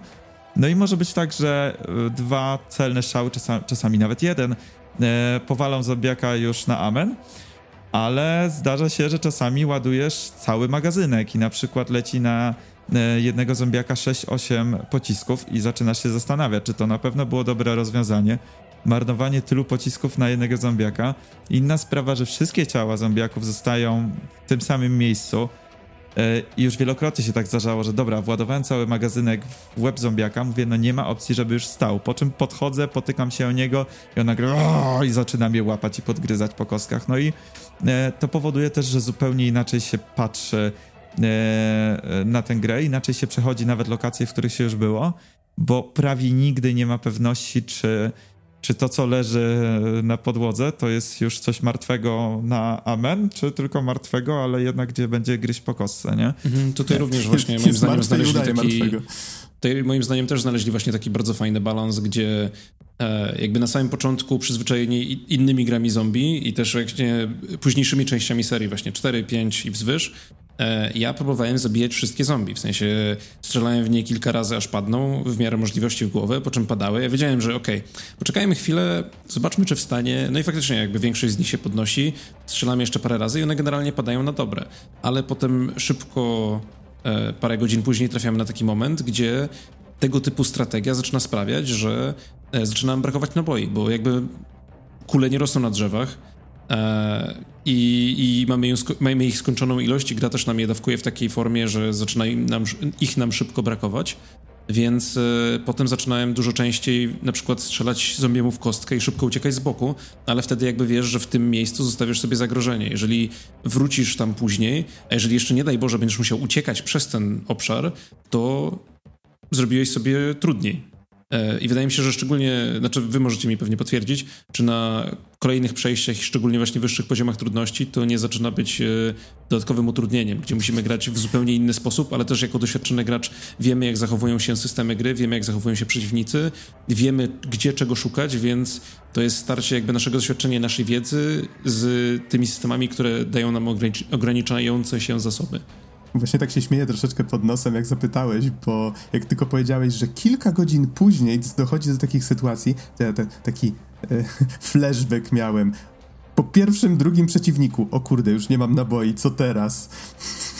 Więc e, no. tak, na najwyższym poziomie trudności to wygląda w ten sposób, że właściwie każde starcie z dowolnym przeciwnikiem y, może sprawić, że nie będziemy mieli już zasobów, żeby walczyć z kolejnymi. I właśnie zwróciłeś tutaj uwagę na bardzo fajną rzecz. Ta seria przez lata ewoluowała w takim kierunku bardziej gry akcji, że. Mhm. Chodziło bardziej o to, żeby chodzić, żeby strzelać do wszystkiego, co się rusza. No piątka była fajną grą, ale chodziło tam przede wszystkim o to, żeby zabijać rzeczy. Poza siódemką. Tak. tak. Szczególnie tak, właśnie też, tak. że czwórka i piątka wprowadziły możliwości zabijania przeciwników bez używania nabojów, czyli mogliśmy ich postrzelić w odpowiedni sposób i potem tylko dobić i, i to jakby zawsze ich zabijało. Mhm, tak. Tutaj zrobiono coś takiego, że jeżeli przeciwnik nas pochwyci, to jeżeli nie mamy przy sobie tak zwanej broni dodatkowej, no to wtedy no, zostajemy podgryzani, a jeżeli nie mamy wystarczająco dużo zdrowia, no to po prostu nas to zabija. Nie ma tutaj żadnych quick time eventów, szarpania się, chociaż jak z surferem żeśmy w pierwszych wrażeniach zauważyli i tak człowiek odruchowo to robi, przyzwyczajony z innych gier. Y, natomiast jeżeli mamy te bronie dodatkowe, jest to tam na przykład nóż albo granat, to wtedy możemy użyć go, czyli jest taki minimalny quick time event na zasadzie, że mamy krótką chwilę, żeby użyć tego przedmiotu i wtedy postać powiedzmy wbija ten nóż w tego zombiaka i nie możemy tego noża na przykład odzyskać, um, dopóki tego zombiaka nie zabijemy. Te noże też mają swoją wytrzymałość, więc nie możemy ich używać non-stop. Yy, I to wszystko się właśnie sprowadza do tego, że twórcom udało się wrócić do tego, co sprawiało, że ta seria była tak fajna, angażująca na samym początku. Czyli mamy całe to zarządzanie zasobami, że musimy zwiedzać te pokoje, decydować się na to, że okej, okay, może jeszcze zwiedzę kilka pokoi, może tam znajdę trochę naboi, a może tam będzie więcej zombiaków, więc stracę te naboje, więc może to będzie bez sensu.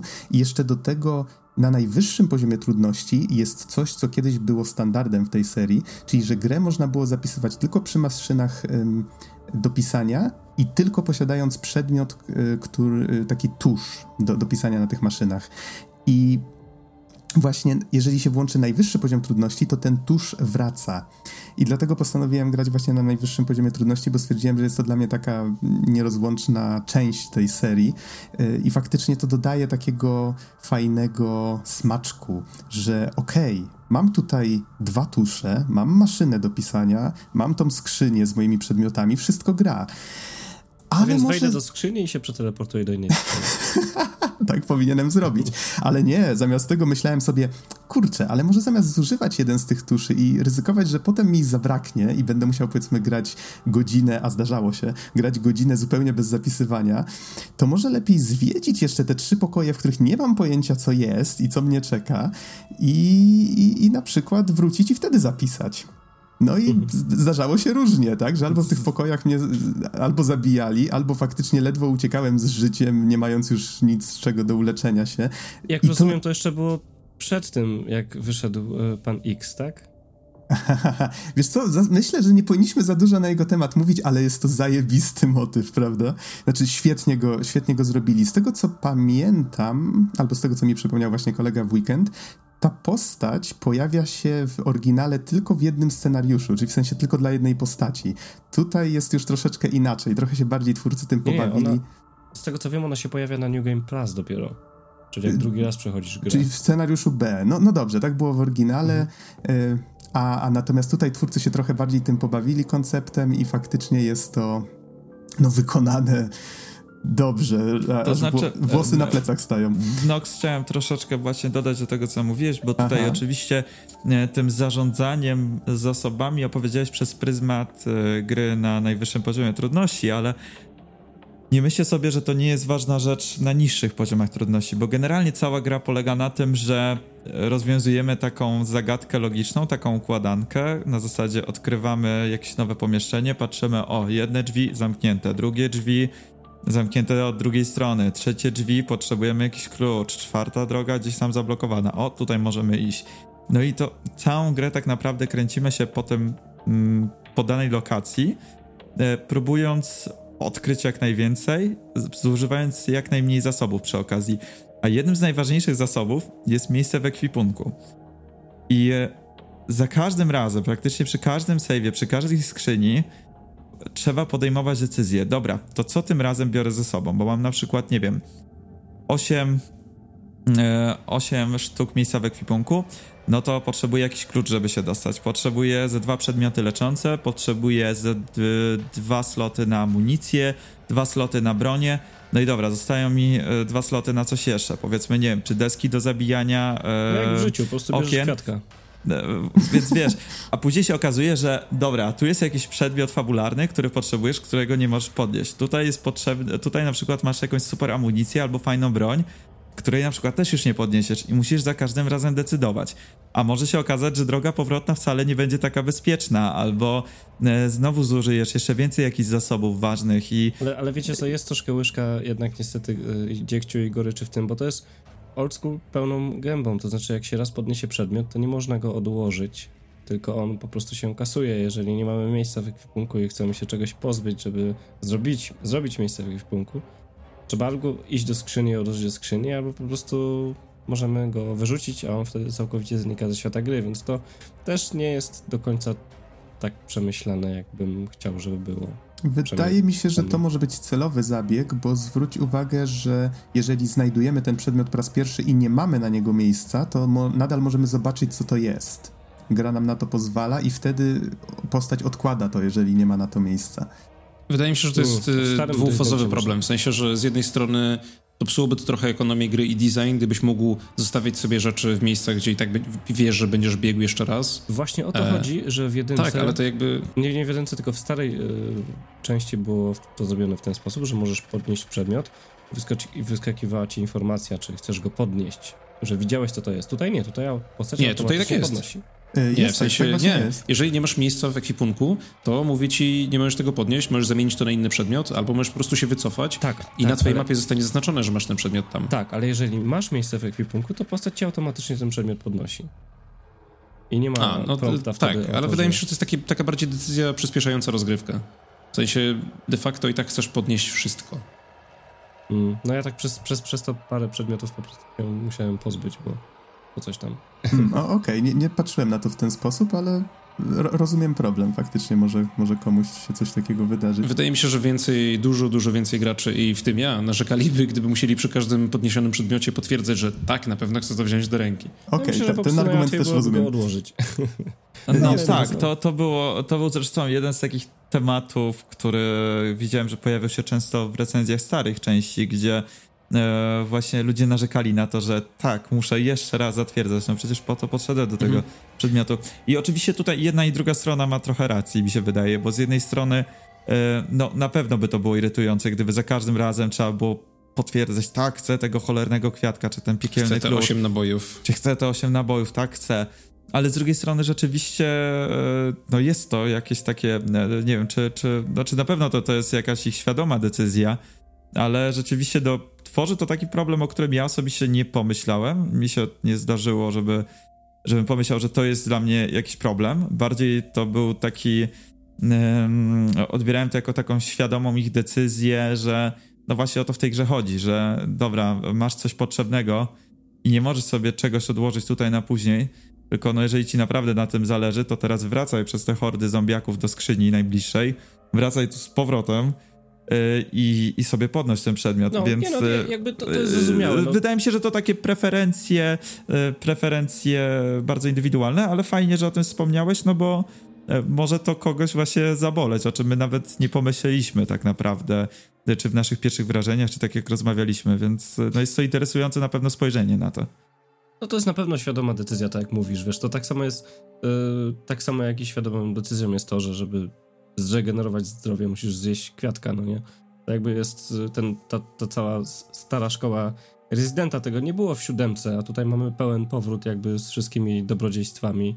Yy, Właśnie wydaje mi się, że w dużej mierze, wydaje mi się, że w dużej mierze jakby jest to związane z tym, że gdyby twórcy, dlatego, że to jakby nie jest taki sam rezydent jak ten stary, nie mamy kamer zawieszonych gdzieś tam w górze, nie mamy prostych map, tylko jakby jest dużo skomplikowanych elementów, to twórcy zdecydowali się nie pozwolić graczowi wyrzucać przedmiotów, bo to spowodowałoby dużo, dużo problemów. W sensie wyobraź sobie na przykład, że stoisz przy biurku i otwierasz ekwipunek, wyrzucasz z niego przedmiot, ten przedmiot wypada z ciebie, wpada w to biurko i się blokuje na przykład gdzieś za, pomiędzy dwoma biurkami i nie możesz go podnieść. W sensie wydaje mi się, że system upuszczania rzeczy wprowadziłby do tej gry tak dużo problemów, że jest to niewarte zachodu. Znaczy, no, no to na pewno by wydłużyło Jasne, jeszcze kwestia... czas produkcji. Mhm. Kwestia designu. E, no zgadzam się, wiesz, tak samo jak e, posiadanie ośmiu slotów na, na, na przedmioty na, na, na sobie kiedy widzisz, że postać tam ma jakieś kieszenie i tak dalej, no to nie jest, słuchajcie, no to, to, to są jakieś tam kom, kom, kompromisy, no nie. Jak dla mnie to jest wszystko fajnie zrobione, ale niektóre rzeczy, ja jako człowiek, który ma mało czasu na, na granie, po prostu niektóre rzeczy troszeczkę mi przeszkadzały, no nie, że jakby jest to trochę jest to wydłużenie, może, nie wiem, jakieś takie dodatkowe problemy tam się pojawiają. Ale, ale, ale, mhm. ale, z drugiej strony jest to fajne, nie? To, to jakby mi, mi, brakowało tej nostalgii.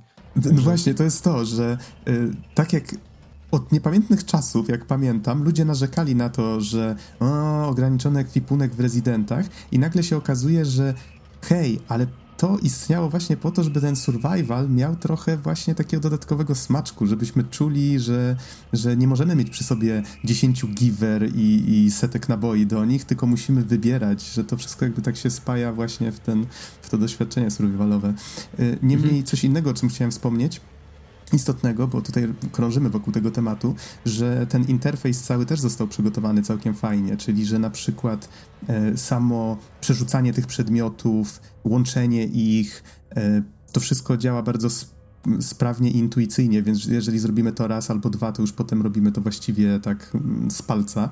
E, poza tym na przykład na mapie kolorem jest pokazane, czy już jakiś pokój, czy podnieśliśmy już z niego wszystko, albo czy wykonaliśmy tam wszystko, co było do zrobienia, więc jeżeli jest na czerwono zaznaczone, to wiemy, że jeszcze powinniśmy się nim e, interesować. Co tam mhm. jeszcze takiego? E, a, właśnie, taka fajna rzecz jeszcze a propos poziomów trudności możemy sobie miejsce w ekwipunku powiększać, znajdując dodatkowe torby. I ja grając właśnie na tym najwyższym, na hardkorze, y, no Miałem tego miejsca niedużo, od czasu do czasu znalazłem jakąś tę torbę, ale jest trofeum za znalezienie wszystkich toreb. I ja przeczesałem tę grę, przechodząc ją za pierwszym razem tak dokładnie, że byłem pewien, że nic nie pominąłem. I dopiero przechodząc ją właśnie po raz, jak zacząłem ją przechodzić po raz trzeci, tym razem na asyście, tak się nazywa ten najłatwiejszy poziom trudności, gdzie się pojawia autocelowanie i celownik dosłownie sam na głowę zombiaka e, wlatuje. E, jest tam troszeczkę regeneracji zdrowia i automatycznej i przeciwnicy oczywiście dużo mają mniej zdrowia, dużo mniej. E, to jak właśnie włączyłem sobie tę asystę, to nagle się okazało, że zacząłem znajdować torby, których wcześniej nie znajdowałem i wyczytałem, że okej, okay, bo na najwyższym poziomie trudności nie da się znaleźć wszystkich toreb, bo dwie czy tam ileś po prostu zostały usunięte, tak? Więc są też tego typu różnice. Um, no mhm. Ja tylko od siebie dodam, że właśnie Aha. jeżeli chodzi o te usprawnienia interfejsowe, to to, że na mapie pokazuje ci, które pokoje zostały już przeszukane, to jest nie tylko fajne usprawnienie względem oryginału, ale chciałbym taką opcję w grach częściej po prostu, bo to jest, to jest, y, czuję, że gra nie marnuje mojego czasu, szczególnie w grze tak napakowanej detalem jak Resident, jakby wiadomo, y, świadomość, że okej, okay, w tych pokojach już widziałem, co miałem widzieć, e, pozwala ci iść dalej, a nie mizieć jakby każdy kąt. Mm, to mhm, super, tutaj... zmiana kolorów. Mm. Nie jestem w stanie tylko stwierdzić, czy w oryginale czegoś takiego nie było, bo tutaj, tutaj pewności nie mam, ale może. Wydaje mi się, że widziałem w paru recenzjach podkreślone to jako element, którego, który jest fajnym usprawnieniem, okay. więc wydaje mi się, że to jest jakby nowy pomysł. Mhm. A i y, to też, że jakby przedmioty w ekwipunku pokazują właśnie, że jeżeli przedmiot został użyty już we wszystkich możliwych miejscach, na przykład klucz, to możemy go bezpiecznie wyrzucić i nic na to nie stracimy. Też jest spoko bardzo, bo jakby odpada nam ten element stresu, czy powinienem nosić te pięć e, dziwnych kluczy i ten kryształ i tą statuetkę, E, czy może powinienem wziąć więcej amunicji i zdrowia, bo zaraz wypadnie na mnie jakiś wielki mutant. A jest jeszcze taka ciekawostka, że jest trofeum za to, że przez całą grę nie użyje się w ogóle przedmiotów leczących, ale jest też takie, że ani razu nie skorzysta się ze skrzyni.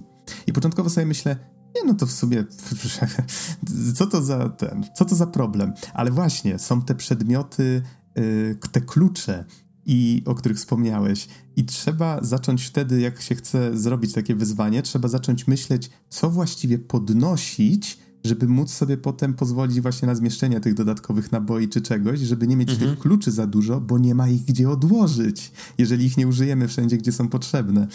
Więc... No tak, ale przynajmniej wiemy mhm. jakby, kiedy możemy je bezpiecznie wyrzucić z inwentarza. Tak, tak, dokładnie tak.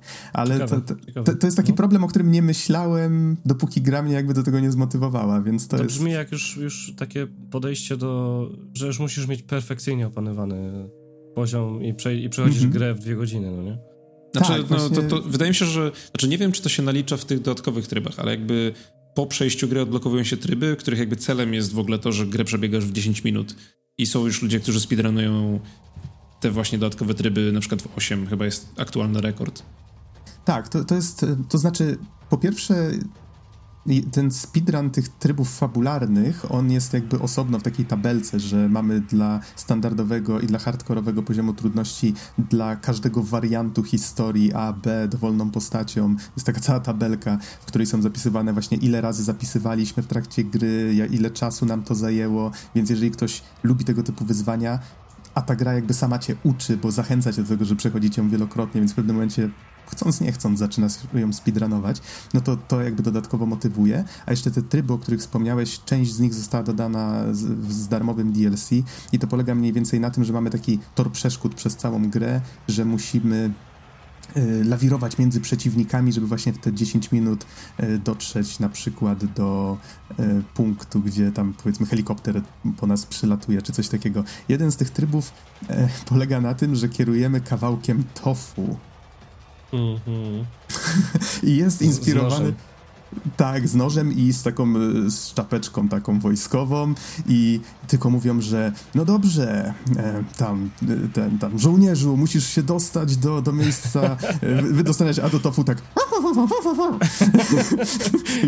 jest, jest, kilka smaków tofu yy, tak, i, i każdy pięć. ma inną osobowość i każdy ma inny zestaw rzeczy w ekwipunku, więc właśnie jest tam tofu, które ma praktycznie same noże, E, są jakieś tam inne wersje tofu, chyba bez żadnych broni, nie wiem, no generalnie e, jakieś Ale to już jest tryb kompletnie dla ludzi, tak, którzy to zmasterowali to już jest kompletny hardcore. Mm. E, słuchajcie panowie, mhm. chyba, że Spierek masz jeszcze coś do dodania na ten temat, bo nie, chciałem, nie, nie. chciałem, żebyśmy przeszli może do naszych wrażeń odnośnie oprawy audiowizualnej, bo wydaje mi się, że to jest coś piekielnie ważnego w tej grze, bo wydaje mi się, że no, o ile taka jest czasami dyskusja, że właśnie no, gry się nie bardzo zmieniają, że w sumie to, co moglibyśmy, e, co, co mamy teraz, moglibyśmy równie dobrze mieć e, na starej generacji, bo te mechaniki, powiedzmy, nie idą jakoś mocno do przodu, ale wydaje mi się, że w takiej grze jak Resident Evil 2 e, jednak tutaj ten postęp e, generacyjny, ten postęp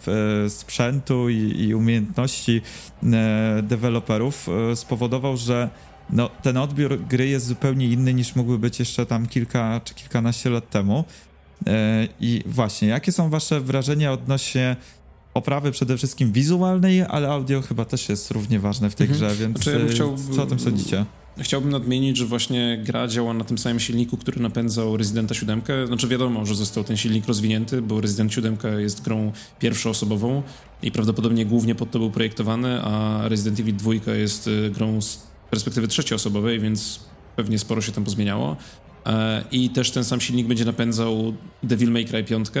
I właśnie super, super fajne jest to, jak wszystkie te gry, one mają takie pewne capcomowe DNA w sobie, ale każda też wygląda na tyle inaczej, że jestem jeszcze bardziej pod wrażeniem tego, jak, wszystko, jak te wszystkie trzy gry wyglądają naprawdę, naprawdę dobrze. W sensie e, motion capture, szczególnie twarzy aktorów, jest naprawdę, naprawdę fajny. Wiadomo, że tam momentami zdarzają się jakieś troszkę dziwne niedoróbki, ale postaci y, ludzkie i zombie, i potwory wyglądają bardzo przekonująco. E, otoczenia są napakowane detalem, oświetlenie wygląda naprawdę, naprawdę dobrze. E, I wszystko to po prostu robi bardzo fajne wrażenie. Jest taka naprawdę, naprawdę fajna atmosfera, jak przechodzimy te kolejne pomieszczenia. Tak, gra wygląda fenomenalnie, tutaj się zgadzam ze Spierkiem. Taka rzecz, na którą chciałem zwrócić uwagę, to animacje, w jaki sposób się łączą animacje na przykład zombiaka z animacją naszej postaci, bo na przykład może dojść do takiej sytuacji, że zombiak już jest bardzo blisko, my tu zaczynamy panikować, strzelamy w niego jakimiś losowymi strzałami i nagle powiedzmy jakimś takim ślepym trafem dosłownie jego głowa eksploduje od jakiegoś naszego strzału i on jest na tyle blisko nas, że załącza się taka animacja, że on pada jakby tak bezwładnie na naszą postać, a ona go tylko tak odsuwa na bok i, i jakby po chwili znowu y, może iść przed siebie, tak? Więc dochodzi tutaj do takich troszeczkę y, kontekstowych sytuacji, które się zmieniają w zależności od tego, co się stało y, i, i te animacje właśnie tak fajnie się dobierają. Same zombiaki zresztą tak się kołyszą, że my próbujemy na przykład celować im w głowę, ale nigdy nie wiemy, czy on za chwilę się a może trochę w lewo, a może trochę w prawo, więc to, to też bardzo fajnie działa tutaj pomijając no, świetnie, jak, to, jak to świetnie wygląda. działa zresztą strzelanie w różne części tych zombiaków, właśnie w jakieś kończyny, jak na przykład strzelamy w kolano, po kilku strzałach e, noga odpada, ale ten zombiak nadal gdzieś tam się jakoś próbuje toczyć. Jeżeli obie nogi mu e, rozwalimy, to na, na samych rękach będzie się e, próbował przedostać, więc... Tak, ale będzie to, dalej kąsał w łydki. Tak, i będzie dalej nas tutaj e, podjadał Prawdziwy w kostki. Zombiak. Więc e, jeżeli chodzi o tę animację, no to tutaj jest naprawdę, odwalili kawał świetnej roboty. W ogóle, no, e, gra wygląda obrzydliwie też miejscami po prostu przez to, jak te, jak te zombiaki się rozpadają mhm. i, e, i, i właśnie te kończyny im odpadają i tak dalej, i tak dalej. Ale właśnie wydaje mi się, że te, te pewne rzeczy, które, które udało się osiągnąć właśnie dzięki odpowiedniej rozdzielczości, odpowiedniej takiej grze świateł, to co zresztą Noxy też mówiłeś, że gra jest miejscami bardzo ciemna, ale nie w taki sposób ciemna, że jest po prostu czarno, tylko my cały czas coś tam widzimy i trochę, trochę głowa czasami zaczyna płatać figle, że coś sobie dopowiadamy, czy czegoś nie jesteśmy pewni, czy to jest jakiś zombiak, czy to jest, nie wiem, coś innego. E, I, I tutaj naprawdę jest to zrealizowane świetnie, więc wydaje mi się, że no ta oprawa wizualna jest na naprawdę bardzo wysokim poziomie.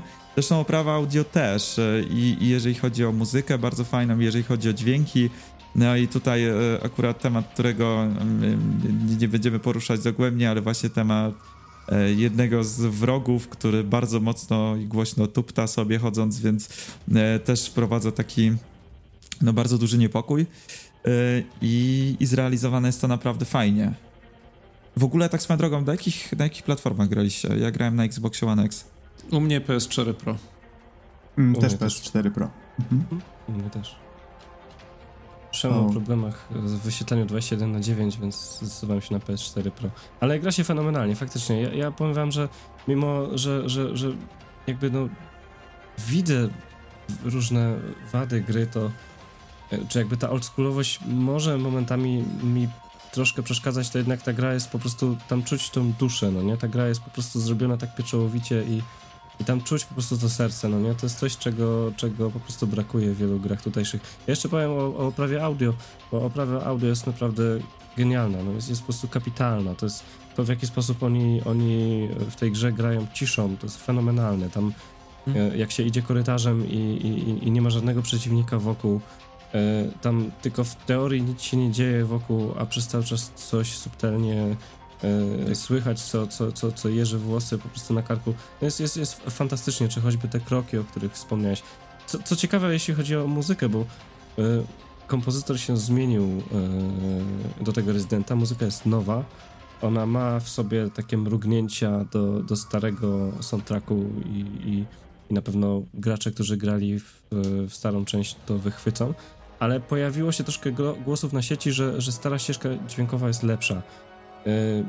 Ja mam wrażenie, że tutaj jednak głównie to jest, że to jest głównie nostalgia, bo, bo, bo nowa ścieżka jest naprawdę fantastyczna. Ona jest dużo bardziej filmowa, dużo bardziej skrojona jak pod film i być może przez to jakby y, ludzie chyba woleli słuchać więcej melodii, tak jak w tej starej ścieżce, ale sample były dużo gorsze, dużo bardziej sztuczne.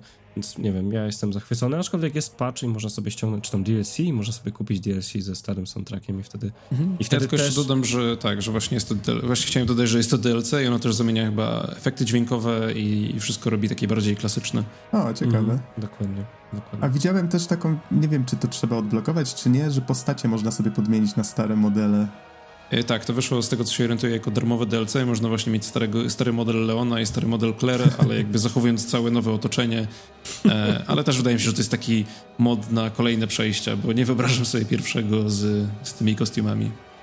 E, no to panowie, już może w takim razie przejdźmy do podsumowania. Tutaj e, mamy informację z wczoraj, że gra sprzedała się w 4 milionach egzemplarzy na wszystkich platformach, e, więc wynik jest całkiem zadowalający. E, Nox tutaj napisał, że około 8-13 godzin na przejście po raz pierwszy scenariusza, przy czym chyba nikt poza Noxem na świecie nie spędził przy scenariuszu a 13 godzin.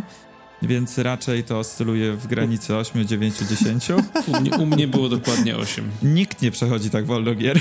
Ej, no come on. Przecież zombiaki czyhają na każdym kroku. Musisz pochodzić bardzo powoli. Nie, po prostu Nox ma za dużo czasu i tyle. tak, oh. dokładnie tak. E, no i właśnie, panowie, to może, może przechodząc do podsumowania, ja rzucę swoje trzy grosze na start, żeby tutaj nie przedłużać. E, moja opinia się nie zmieniła, jeżeli chodzi o tę grę od moich pierwszych wrażeń, więc tylko przypomnę, że no jest to niesamowicie miłe zaskoczenie. Właściwie nie planowałem kupić tej gry i to był trochę taki impulsywny zakup na zasadzie, o kurczę, pograłbym sobie coś. No dobra, do Kingdom Hearts jeszcze trochę czasu, e, zagram w Residenta. I o ile tak e, wizualnie na trailerach mi się bardzo podobała ta gra, tak sobie myślałem, że no, te Residenty stare jakoś nigdy mnie nie porwały. E, siódemka jest taką trochę odskocznią od serii i to mi się akurat podobało, ale właśnie chyba dlatego, że, że, że tak mocno ta gra odeszła od poprzednich części. I myślałem sobie, że to pewnie nie jest gra dla mnie i myliłem się bardzo mocno.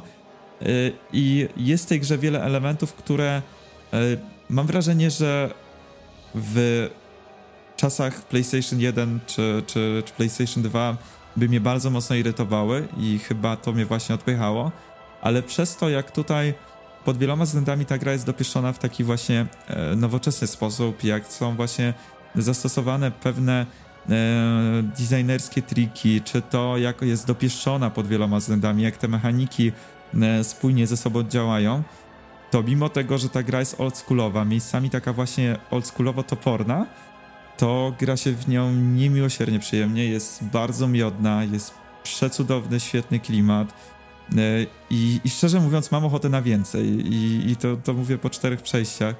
więc na pewno wrócę jeszcze do tej gry i to nie raz.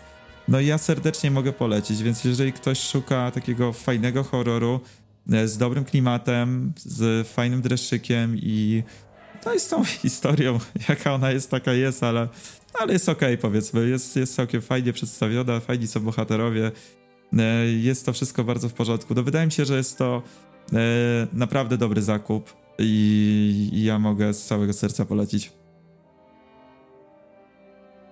Ja bardzo polecam y, 6 na 7. tak, to ja może wstawię od siebie, że też y, jako osoba podchodząca do tego rezydenta, w sensie do rezydenta dwójki po raz pierwszy, e, nie wiedziałem do końca czego się spodziewać, bo na przykład od siódemki jeszcze nie zagrałem. W siódemkę jeszcze nie zagraliśmy, dlatego że obawialiśmy się tej horrorowości, e, a wbrew tego, znaczy według tego, co słyszałem od znajomych przynajmniej, to dwójka jest straszniejsza i mimo wszystko bawiliśmy się bardzo dobrze. Wydaje mi się, że jest to bardzo fajna gra do przejścia z drugą połówką, e, także jedna osoba patrzy przez palce, a druga osoba e, nerwowo trzyma kontroler, e, pocąc się, szczególnie w drugiej połowie gry. E, I miło spędzić 8 godzin, a potem jeszcze te dodatkowe parę godzin na alternatywne przejście. Ja grałem w Residenta 7 w VR, więc żadna gra nie jest dla mnie U, tak, so, tak sobie nie wyobrażam. Ja, jak już wspominałem jakiegoś czasu, jakiś czas temu na podcaście, tak ja zacząłem grać w VR i kiedyś to skończę, jak już zdobędę odwagę na to. Ale tak, tak jak Arek kiedyś wspomniał, to, to jest trochę traumatyczne. Faktycznie gra, gra ma mocny, mocno się zaczyna w VR-ze. E, jeżeli zaś chodzi o moje podsumowanie, no, wydaje mi się, że wszystko, co powiedzieliście, jak najbardziej się z tym zgadzam. Jako osoba, która dość niedawno, względnie niedawno nadrabiała te stare części, mogę tylko powiedzieć, że faktycznie przeskok, jaki się dokonał, widać tutaj wyraźnie, ale chyba najważniejsze, już nawet pomijając to, czy ktoś zna oryginał, czy nie, faktycznie warto po remake sięgnąć, warto w niego zagrać, jest naprawdę solidną, świetnie skrojoną grą. Nie czuć, że cokolwiek tam brakuje, czy że jest kompromisem, po prostu wszystko, wszystko tam do siebie pasuje, jest zrobione z sercem i, i solidnie. I to chyba jest w tym przypadku najważniejsze.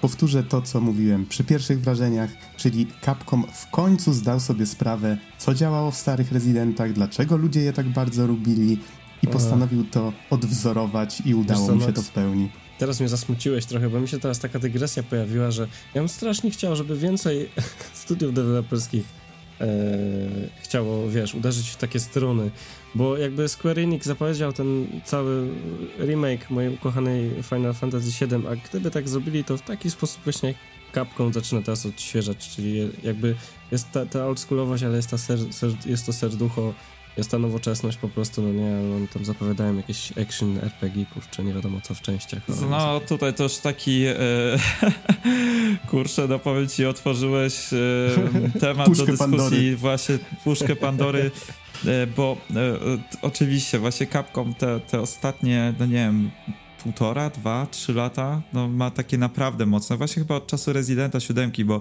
i Mega Man, z tego co wiem, był bardzo dobry. Właśnie teraz ten remake, Chodzi, chodzi mi, to, tak, tak, mm. właśnie chodzi mi o to, przepraszam, że ci przerwę jeszcze, do, do, dokończę mm myśl, bo chodzi mi o to, że jakby y, tutaj robią naprawdę wspaniałe te, te, te, te remake'i, nawet ten Resident 7, który też jest takim fajnym powrotem do klimatu, bo gracze troszkę cioczyli na szóstkę, prawda, na piątkę, a, a i one, oni naprawdę się nauczyli, a takie firmy jak Square nie mogą znaleźć swojego miejsca, prawda, robią Finala 15, który który jest po prostu takim Frankensteinem strasznym, no nie, jest grą tak niedorobioną nawet wciąż do, do, do, do dzisiaj właściwie, no nie. I to trochę boli, bo jak gram w takiego rezydenta właśnie dwójkę, to strasznie bym chciał, żeby po prostu więcej studiów miało takie podejście, że jak już robią to remake, to, to zróbcie tak, kurczę, nie? Dokładnie to, co mówisz. Oni po prostu na nowo chyba zdali sobie sprawę z tego, co, co w tych grach działało i nie boją się tego, nie wstydzą się tego i po prostu Okej, okay, może to było oldschoolowe, albo to było trochę cheesy, ale to jest to, co właśnie przyciągało naszych fanów i z tym idziemy. I wydaje mi się, że to też widać po DMC kopiące, który, no przynajmniej po tym demie, no wygląda na to, że hamulce tam kompletnie puściły i będzie mega rozwałka w starym stylu, już nie robiąc jakichś dziwnych spin-offów, y, które będą na siłę próbowały się wpasować w zachodnie gusta i tak dalej, tylko okej, okay, tego gracze chcieli, to zawsze działało, opakujemy w to, e, to w nowe mechaniki, w nową technologię, w nowe pomysły, ale ten rdzeń będzie e, nadal taki sam i tak samo fajny i no tak jak mówisz, Square się bardzo mocno pogubiło i szczerze mówiąc, no widać to właśnie i po Finalu 15 no i po Kingdom Hearts, o którym sobie też musimy pogadać, Noksiu, bo... Tu sobie, były... tu sobie porozmawiamy. To sobie porozmawiamy, bo to jest dopiero ciekawostka. Brzmi groźnie, brzmi groźnie. Będę musiał chyba tutaj własnym ciałem zasłaniać kule lecące z jednej na drugą ja już ostatnio trochę swoich opinii puściłem na forum publicznym, ale... e, tak. I, oby w przypadku Left Alive, bo obaj z Dogsem mamy bardzo dużo, dużą sympatię, darzymy Front Mission, ale Left Alive to taki spin-off. Do Front Mission o, też jeszcze wrócimy. I obyśmy, obyśmy nie musieli tak bardzo bronić ciałem tego Left Alive przed kulami, które będą nadchodzić, ale wydaje mi się, że no patrząc po zapowiedziach i gameplayach nie spodziewam się niczego e, szałowego.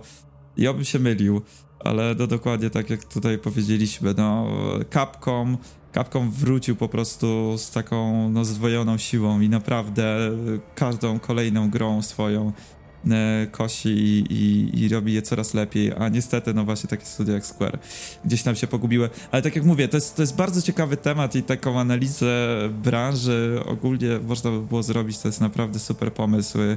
Tak troszeczkę odejść od sztywnej formuły e, recenzji, a właśnie pogadać troszeczkę e, luźniej na temat tego, co się ogólnie dzieje, bo dzieje się dużo ciekawego. Więc jakby co, no jestem bardzo otwarty do takiej dyskusji, więc kto wie, może w przyszłości. Może w przyszłości. A tymczasem kończąc już temat recenzji, bo to mimo wszystko nadal recenzja Rezydenta dwójki, no wszyscy tutaj polecają, więc na tym chyba możemy e, skończyć. I taka, taka mała rada ode mnie. Jeżeli graliście w stare części, jesteście hardkorami, y, macie za dużo wolnego czasu, macie więcej kontaktu z postaciami z japońskich gier niż z prawdziwymi ludźmi, przechodźcie tę grę na hardkorze. I tyle ode mnie. To ja tylko dodam od siebie, nie słuchajcie Noxa. Medium jest w porządku. Nie trzeba się niczego wstydzić.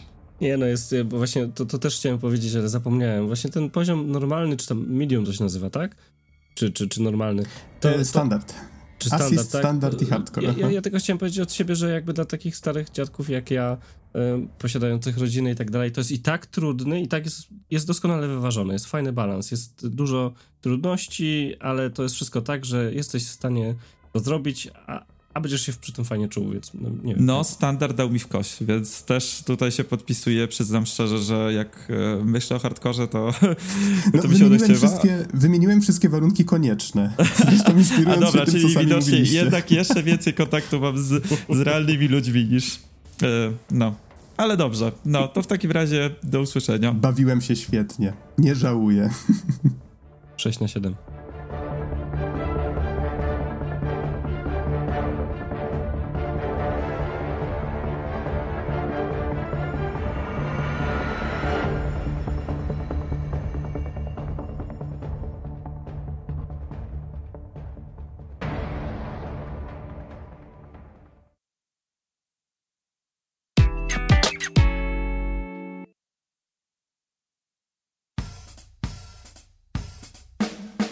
To już wszystko na dzisiaj. Dziękujemy Wam bardzo za uwagę i do usłyszenia w następnym odcinku. Trzymajcie się. Na razie.